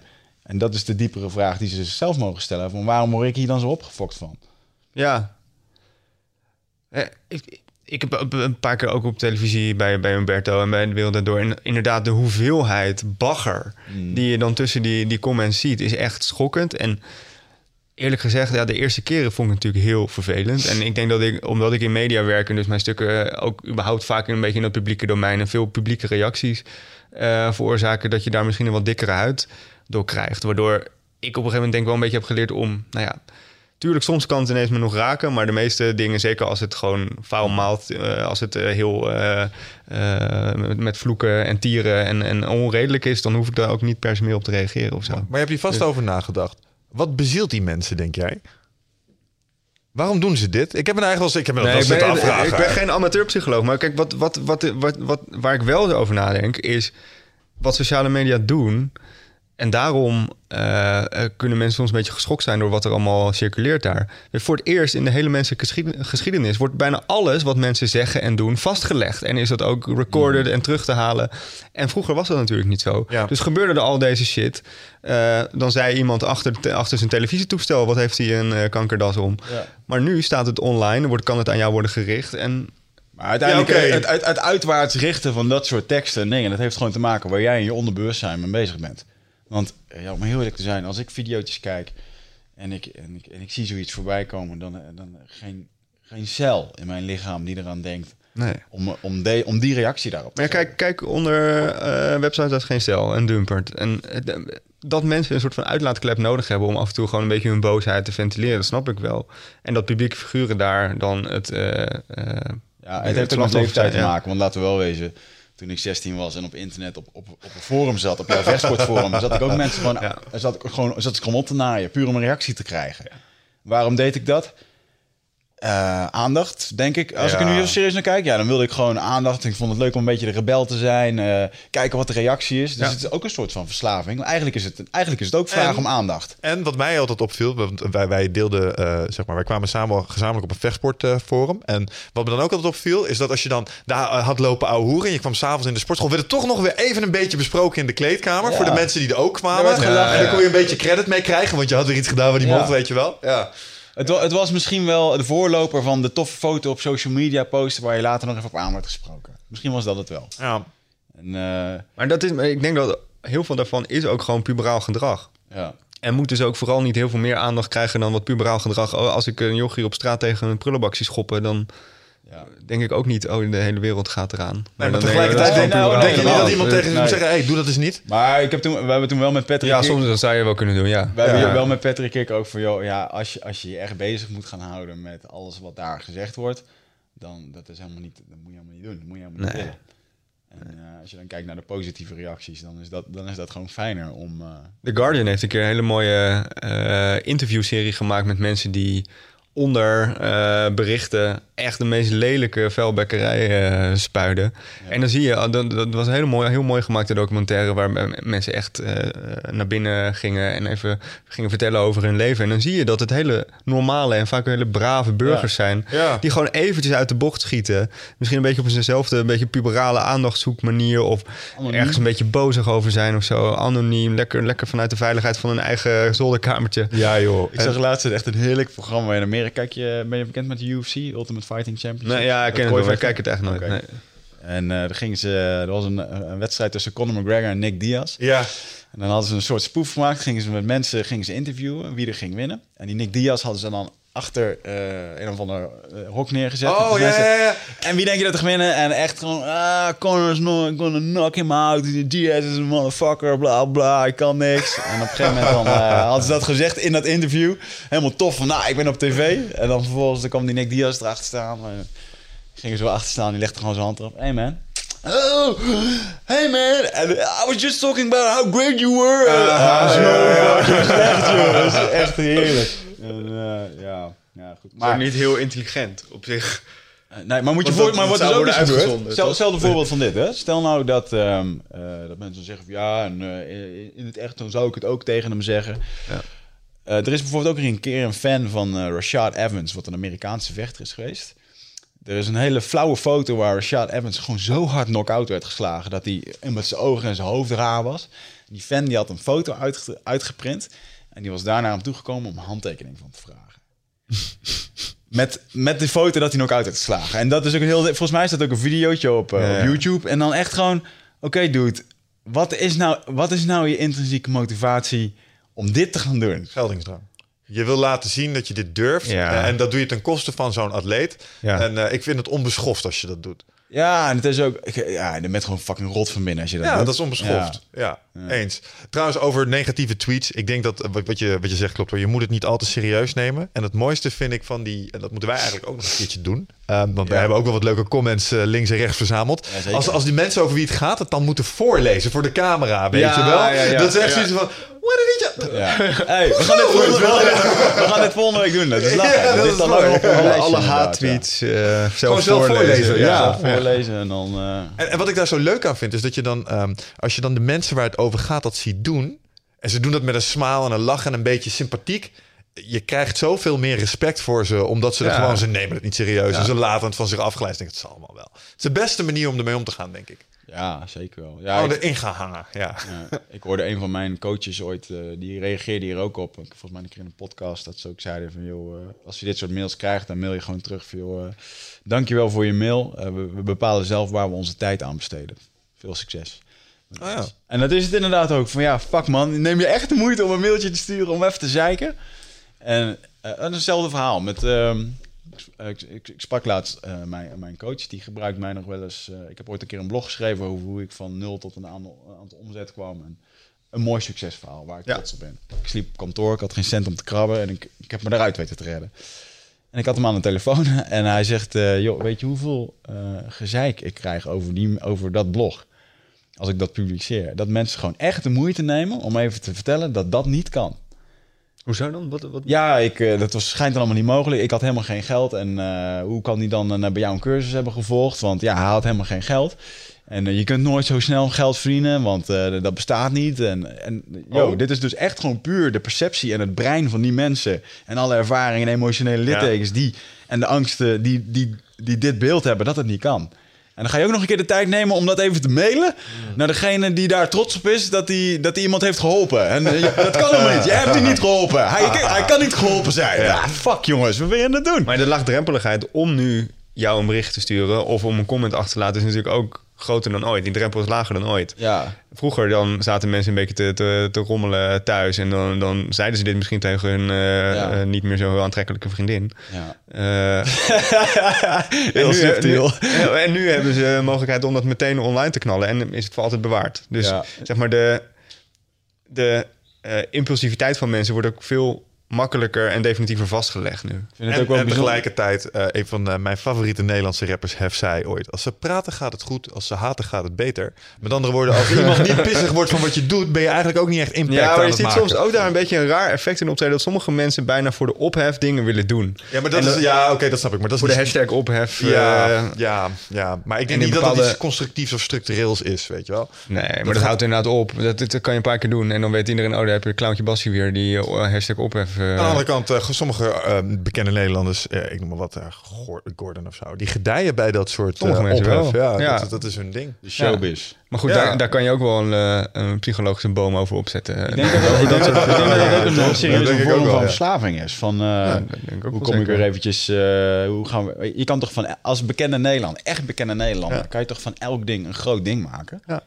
Dan komt het wel op nu Ik achterklap. bedoel, bij Ja. wijze van spreken... Ja, maar ik werd nu net gebeld door eh, mijn huisarts. Eh, omdat ik nou aan de zon ben geweest. Heb ik een hele lichte griep gehad. Dus dat zou kunnen duiden Malaria op... of Oh, een, eh, ben je besmettelijk of Nee, nee, op, eh, het zou kunnen duiden op, op, op een Zika-virus. Mijn vriendin is zwanger. Oh, shit. Ja, ja, ja. Baby's doen, bla, bla. ja. Het allemaal... Dus als ik nu een bekende Nederlander was... Ja, je, je, hoeft, je kan dit maar even aan iemand zogenaamd lekken... En je staat weer glorieus in het nieuws. Nou, Oh, zo, zijn- ja, ik kan, ja, ik kan een top, Boulevard, ik kan een heeft- top heeft 10 van, nou, van dat soort gasten van RTL Boulevard... die hier helemaal op gedijen en Ja. op in kunnen gaan. En je staat weer een week lang in de privé... En je, volgens mij kan je nog geld vragen Ja. voor die interviews ook. Nou, maar daar zat je maar... Maar dan, dan raak je ook weer een beetje aan het onderwerp waar we het al de hele tijd over hebben. Namelijk die aandachtseconomie. En dat, dat is wat er nu aan de hand is. Dat heel veel bedrijven, techbedrijven, marketingbedrijven, mediabedrijven... aandacht proberen vast te houden. En door die aandacht vast te houden, eh, targeten ze iets wat eigenlijk heel waardevol is, namelijk onze concentratie. En ze verstoren die concentratie, wat ook nog eens een keer negatieve effecten heeft. Dus eh, de, de dynamiek die er ontstaat, en eh, vloggers zijn daar een uiting van, pushberichten zijn daar een uiting van, en mensen zoals Gordon zijn er een wat oudere uiting van. Maar hoe meer aandacht je hebt van mensen, hoe groter je aandachtskapitaal wordt, waar je weer Ja. geld aan kunt verdienen. Het schijnt ook dat die- die negatieve berichtgeving, dat is hetgeen waar mensen toch naar luisteren, omdat we ontzettend gefocust zijn op dat gevaar. Dat, dat rode eentje van je Ja. Is ook een Ja. soort... Nou ja, Ja, ja. Je, je zegt het net zelf wel, de weekend, de privé, die bladen die bestaan al een hele tijd. Ook voor het internet al. En dat gedijt bij eh, sensatie, sensationalisme. Dat Ja, vinden we mooi.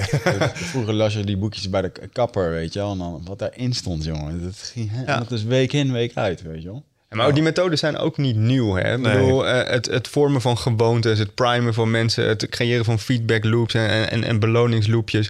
Vier uur kuppensoep. Weet je, dat is ook precies dan. De, dan gebruiken ze de klok een beetje als een pushberichtje. Van Ja. oh, het is vier uur, dan een gewoonte, een loopje creëren van kuppensoep.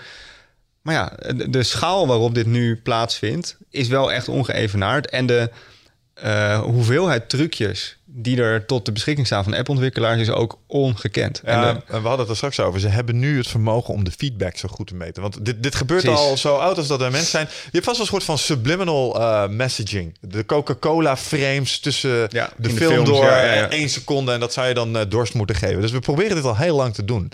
Alleen nu kunnen we ook echt meten wat het effect is van de dingen Ja. die we proberen. En dat maakt het eh, zo En gruwelijk meteen, efficiënt. en meteen uitvoeren. Als je naar een website als bol.com gaat, dan zie jij een hele andere versie dan ik. Dus er vinden tientallen AB-testen tegelijk plaats op bol.com. Ja. Waarbij ze dus heel specifiek nieuwe dingetjes testen op mensen die eerder bepaald bedrag, gedrag hebben vertoond. Eh, daar laten ze weer andere trucjes aan zien dan aan andere mensen. Dus de fijnmazigheid en de snelheid en de feedback... en, en dan ook nog eens een keertje het, het ongeëvenaarde platform... digitale platform van de smartphone... waarmee je ze wel kunt zenden als ontvangen... Dat, dat zorgt voor een, een, een, een- een boom aan dit soort eh, mogelijkheden. Nou, en je raakte het er straks al een beetje aan, het, het vermogen van machine learning en AI. En dat Ja. vind ik ook een heel verontrustend component. Namelijk het component dat er nu een soort entiteit... Nou, ze zijn nog niet zelfbewust of zo, maar er is een soort iets gaande... eh, wat op een gegeven moment out of our control is... en dat Ja. hier ook mee aan de haal gaat. Ja. Ik ben wel van de school dat maar die waarschuwingen over dat er een soort van wereldwijd brein aankomt dat ons overbodig gaat maken, dat, dat is echt niet wat je hoort als je met AI-wetenschappers praat. Nee, nee, dat heb ik me ook uh, ik heb laatst met eh, degene die bij MIT, dus echt de top technische uni- universiteit van Amerika, het AI-lab runt. En eh, die doet dit echt af als eh, totaal broodje aap verhaal. Mhm. Eh, er is een AI, een voormalig AI-directeur van Google. die zegt de kans op dat scenario van een soort van wereldwijd superbrein dat mensen overbodig maakt, is net zo waarschijnlijk, is net zo'n soort scenario als overbevolking op Mars. Weet je, in de verre toekomst kan het misschien, het, het, is, het is heel ver gedacht. Maar als je nu kijkt naar wat AI kan, is vooral heel goed patronen ontdekken, vooral heel goed specifieke taken. AI kan heel Ja. goed co-spelen, schaken. Ehm, maar dat soort hele doembeelden, dat is volgens mij nog wel heel erg ver weg. Het betekent niet dat het niet interessant is om over na te denken. Want het roept allerlei interessante filosofische vragen op. Maar ik net zeggen, waarom zijn, dat, dat vraag ik me dan wel af. Wat me wel opvalt is dat een aantal mensen die ik best wel op een eh, intellectueel voetstuk heb staan. Denk aan een Sam Harris, denk aan een Elon Ja, Musk, ja, denk aan ja, een, ja. eh, hoe heet de meneer? Ach, ik vergeet zijn naam altijd. Zit in de rolstoel. Stephen Hawking. Stephen Hawking, Ja. denk ik wel. Ehm, die steken wel een hand omhoog. Zeggen, en dat zijn "Joh, geen domme jongens. Dat eh, is zeker waar. Maar misschien gewoon geen specialist. Ehm, nou ja, zo, nog Elon Musk, eh, nog Stephen Hawking is AI-specialist. Ja, precies. Ja. Eh, en eh, de AI-specialisten die je spreekt, zijn er erg over verdeeld. Dus ik heb laatst heel interessant boek, ook Live 3.0 van Max Tegmark, ook een MIT-hoogleraar natuurkunde, die deze vraag ook een beetje verkent. En hij, houdt ook een, hij, hij komt ook met een peiling onder AI-hoogleraren, waar hij die vraag voorlegt van wat is nou de, de waarschijnlijkheid dat dit scenario van de mensheid wordt overbodigd, de singularity komt eraan. Eh, is, dat, is dat nou iets waar wij ons echt al zorgen over moeten maken? En dan is het ongeveer 50-50. Dus er is ook wel een heel groot deel serieuze eh, wetenschappers AI Ja. die de andere kant opdenkt. Maar gewoon gebaseerd op wat AI nu is en wat AI nu kan. Namelijk hele specifieke afgebakende taken. En ook nog eens een keertje op een manier die vaak nog niet eens zo heel erg zou kwalificeren als intelligent voor mensen. Maar gewoon als heel efficiënt of heel goed in het herkennen van patronen. Ja, ja. Eh, niet in het leggen van verbanden, niet in het laten zien van bewustzijn of gevoel of eh, inlevingsvermogen. Wat, wat mensen dus als, als intelligent zouden kwalificeren. Denk ik dat het zo'n vaart niet gaat lopen. Maar kijk, die technologie gedijt bij data. Hoe meer data, hoe beter.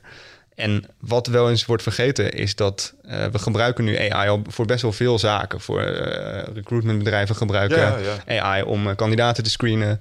Er zijn zelfs experimenten om rechtspraak te laten assisteren met AI. En we gebruiken dan AI een beetje als een soort van neutrale, betere variant van mensen. Terwijl dat is volgens mij een best wel gevaarlijke manier van denken. Want die data waar ze die beslissing op eh, baseren, zijn menselijke data. En in die menselijke data staan vooroordelen. Dingen als discriminatie, eh, dingen als racisme. Eh, dat is ook iets waar Google zelf voor waarschuwt. dat in kunstmatige intelligentiealgoritmes biases kunnen voorkomen die menselijke vooroordelen, zoals racisme en discriminatie, alleen maar kunnen versterken. Nou ja, luister, je gaf het er straks al aan. Het is een, eh, de, de huidige generatie is de generatie van eh, het internet. Nou, het internet is niet alleen bekend geworden door eh, de online beurs en dat je het weer eh real-time kan zien. Er is een ander aspect van de menselijkheid waardoor het bijzonder populair geworden is. En dat voed je ook aan je AI. Ja. Die honderden gigabytes aan allerlei expliciete filmpjes eh, eh, en de meest verschrikkelijke Ja. ongelukken of Ja. snuf of eh, dingen die we elkaar aandoen. Of eh wat was het ook weer? Jeroen die eh, op geen stijl een, een of ander ding in de fik steekt. daar, daar is een heel mooi voorbeeld ook van. hè? Oh ja, met dat rotje of zo, hè? Ja, dat, soort, dat soort dingen krijg ik helemaal niet meer binnen. Vroeger was dat echt, eh, had ik allemaal van die apps dingen zo. Eh, ik denk dat ik één keer in de maand zo'n filmpje binnenkrijg, dat het veel is nu. Ja. Mijn je mist er niet heel veel aan, denk Nou ja, ik. dat heeft dus ook mee te maken dat je aangeeft aan de mensen Ja. die dat altijd sturen van, joh, ik, eh, ik hoef dit niet.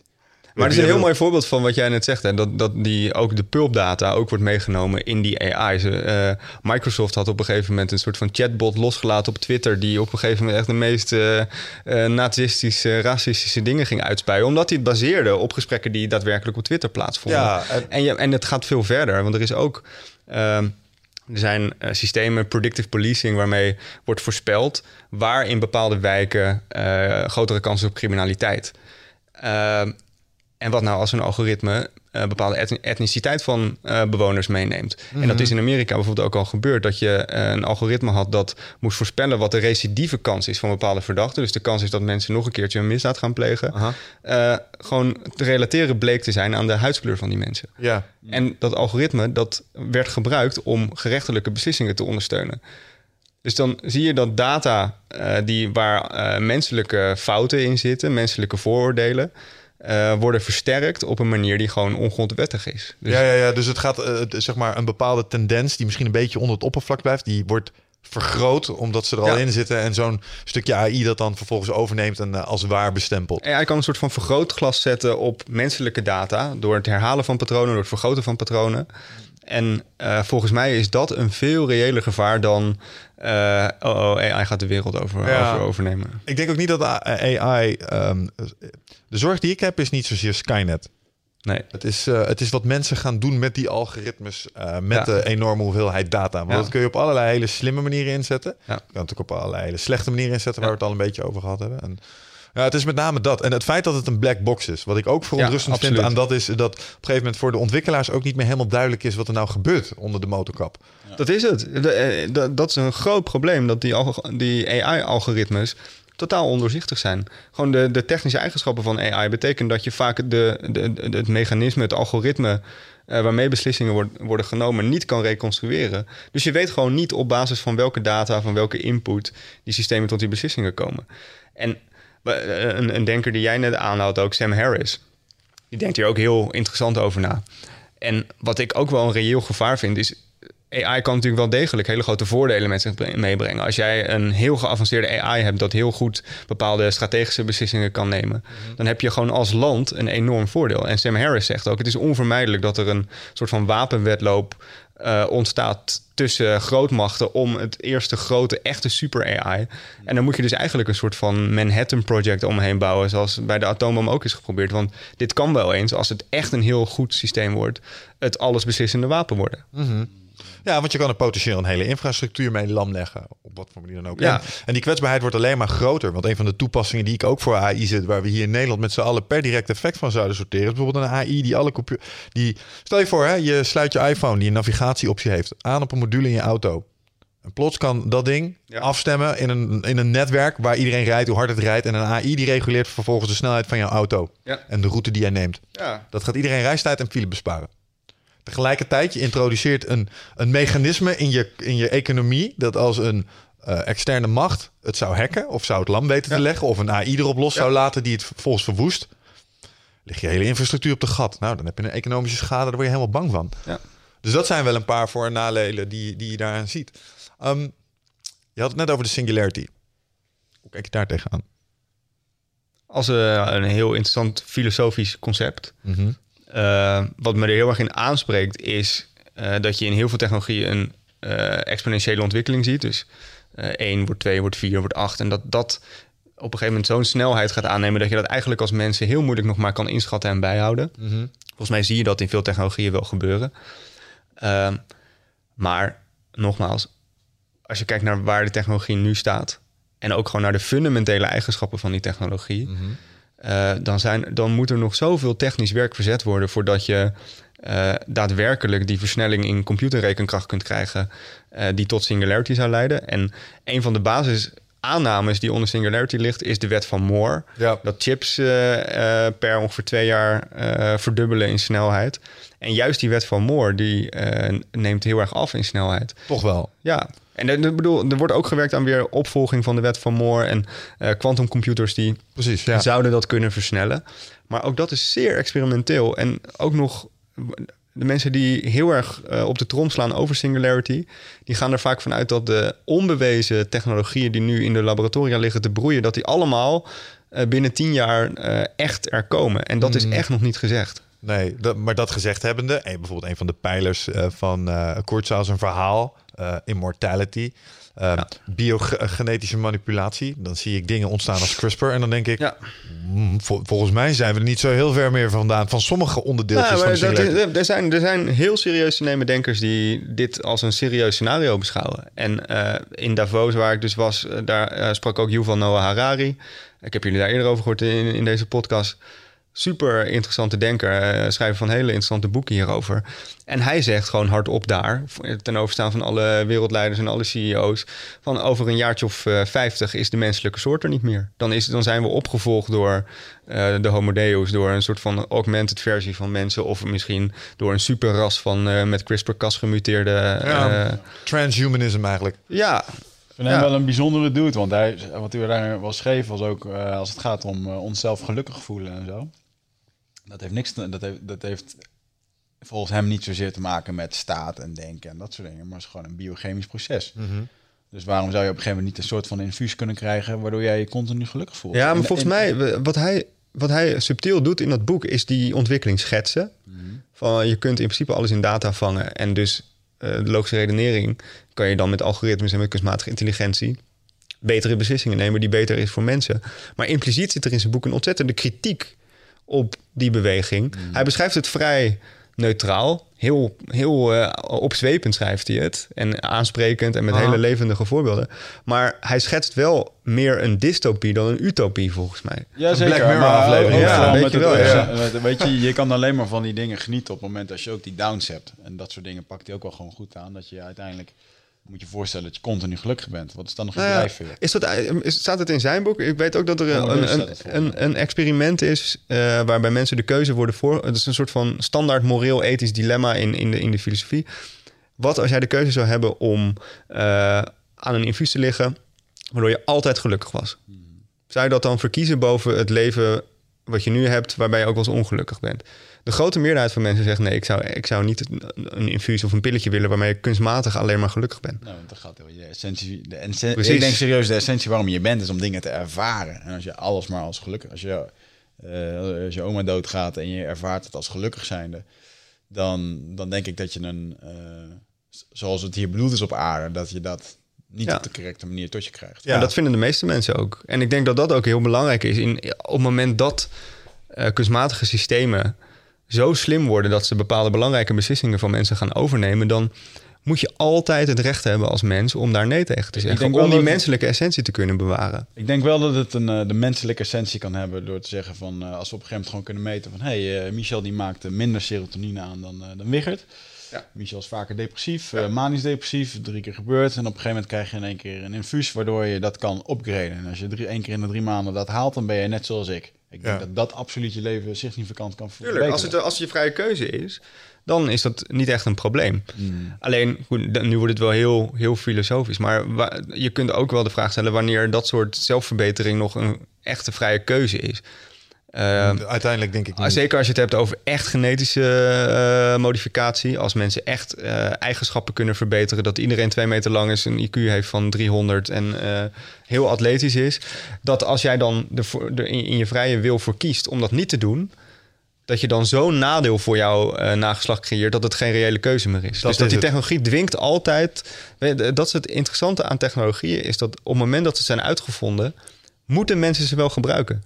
Dat heb, ik bedoel, zelfs zoiets verschrikkelijks als de kernbom. Ja, Dat moeten we één keer gebruiken. op zijn minst. Op zijn minst. Ja. En eh, er is geen ontsnappen aan. Op het moment dat technologie er is, dan gaan we hem gebruiken. En dan moeten we weer na het gebruiken bedenken hoe krijgen we die geest weer terug de fles in. Hoe krijgen we weer een beetje een normale menselijke verhouding ermee. Ja, Ja. Wat, wat mooi wat hij daarin beschrijft, naar die, dat stukje immortality, eh, wat hij dan beschrijft. Ja, leuk als je de, de, de, magic potion vindt waardoor je onsterfelijk wordt. Dan ga je nog maar één ding waar je druk over gaat maken. En Doodgaan. Dat is doodgaan. Ja. Wacht man, dan kan je niet meer naar buiten lopen. Stel ervoor dat die busje raakt. Dan kan je doodgaan. Ja, dat is waar, daar heb ik nooit over nagedacht. Maar dat klopt wel wat je daar zegt. Dan is dat plots, want nu is het een gegeven. Ja. Je gaat eraan en eh, nou ja, zwaar, weet je. En daarom, Nou, en doen, de- daarom doen we dingen. Maar ik wou net zeggen, dat is de hele essentie van waarom we een beetje ons best doen om er wat van te maken. Toch? Als je weet dat je niet sterft.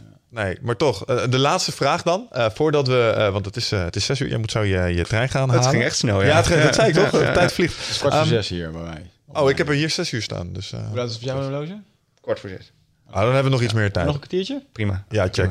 Ja, nou, maar da- da- da- daar zit dan meteen even de, de vraag achter. Stel je voor, eh 20 jaar in de toekomst, eh, we, we doen eh, de, de ontdekking en eh, je hoeft niet meer te sterven eh, aan ouderdom. Would you sign up for that?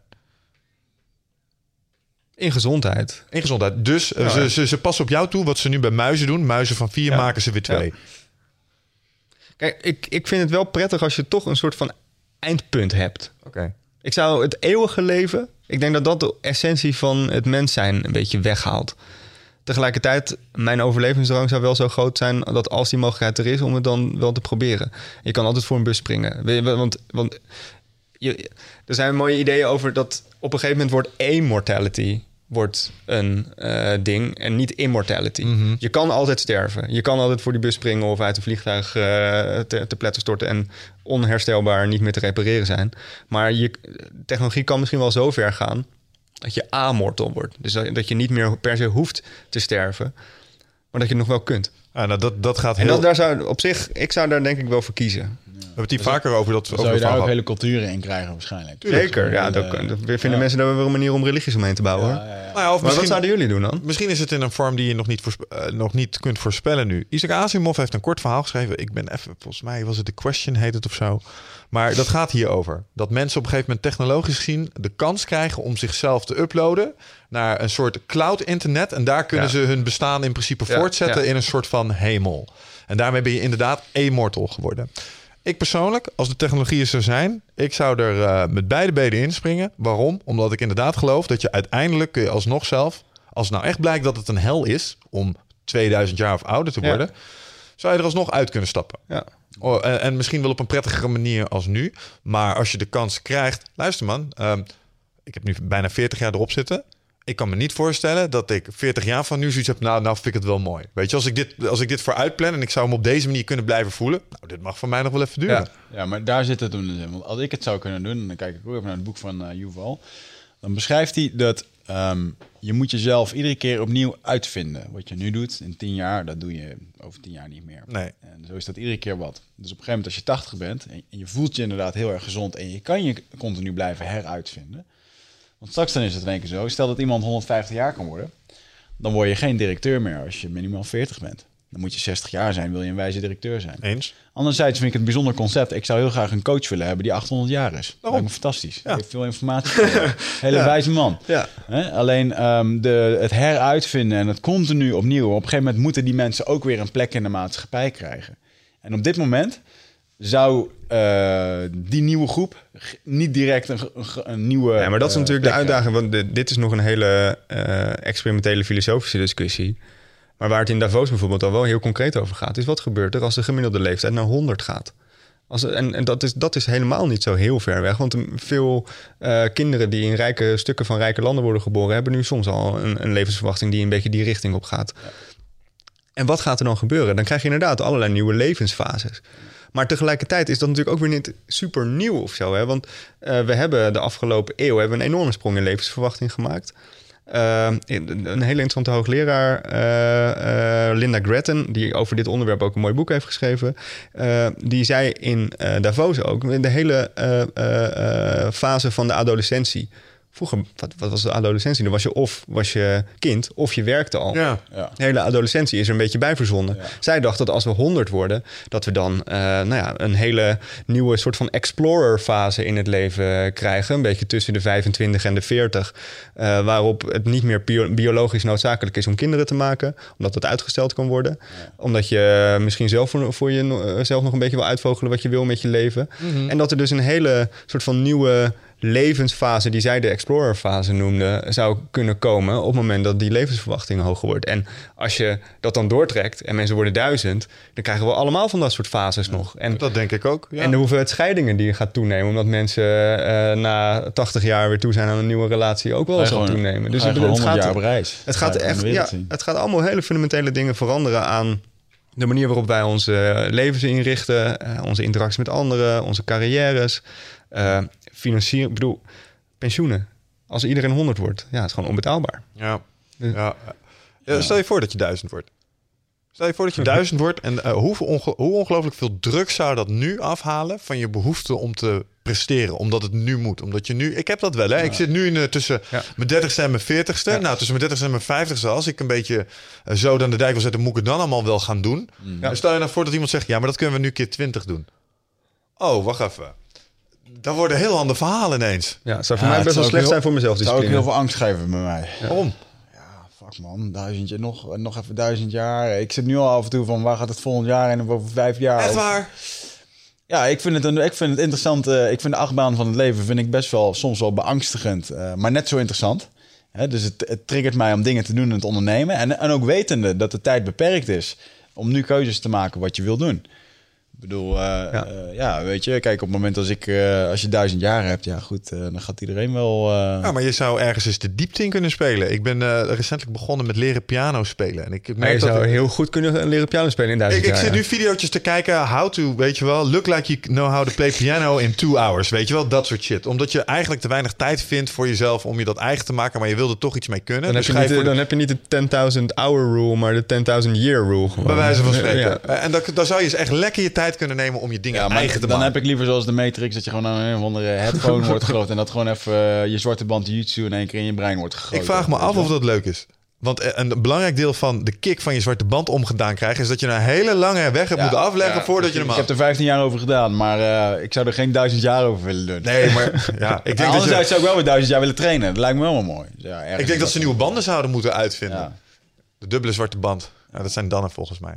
Ik, zei, ik was laatst in eh, Brazilië. Toen vroegen ze wat voor band ben je. En toen zei ik eh Faisa, Faisa ehm, Pr- Prata of zo. In plaats van Preto. En Prata is zilver. Hij zo... Zilveren band? Zilver? Aluminiumfolie, ja. Mooi. maar goed. Ehm, ja, we gaan nu wel een beetje aan een einde komen. Ja joh. Ik vond het een leuk gesprek, man. Ja, we gingen van smartphone-appjes tot duizend jaar leven. Dus eh, Ja. Ja, Cool. ik zei toch dat we goed waren in afdwalen. ja. Is er nog iets Nou, maar het eh, heeft allemaal met elkaar te maken. Hè? Ja, ja, Dus, ja, eh, nee, het was een samenhangend verhaal volgens Ja, mij. ik vond het ook. Ik vond het ook leuk. Zijn er nog dingen waar mensen jou binnenkort kunnen vinden... of waar ze jou in de gaten moeten houden? Ja, mijn stukken in NRC kunnen ze altijd lezen. En ik eh, stuur elke week een e-mail nieuwsbrief, Future Affairs. Waarbij ik een beetje samenvatting maak van de interessantste stukken over de toekomst, over de technologie die in ontwikkeling is eh, elke week. En eh, die kan je vinden als je op mijn naam googelt, dus Wouter van Noord met een T. En dan nieuwsbrief en dan vind je hem. Oké, cool. Iedereen even subscriben daar voor je dosis eh, futurologie. Wat doet Wouter over drie jaar? Ik heb toevallig een tijdje geleden met een coach besproken dat ik nu even ga genieten van waar ik nu ben. Omdat het Ja. gewoon, ik zit in een goede flow. En eh, het zat me juist een beetje dwars om de hele tijd weer een punt op de horizon te zetten. Dus ik ga dat nu ook even niet doen. Ik ga nu gewoon even genieten. En eh, Telefoon uit. precies. Drie jaar gewoon genieten. Klinkt als goed advies. Focus, mindfulness en genieten. Oké man, dankjewel dat je er was. En eh, tot de volgende podcast. Tot de volgende keer jongens. Ciao.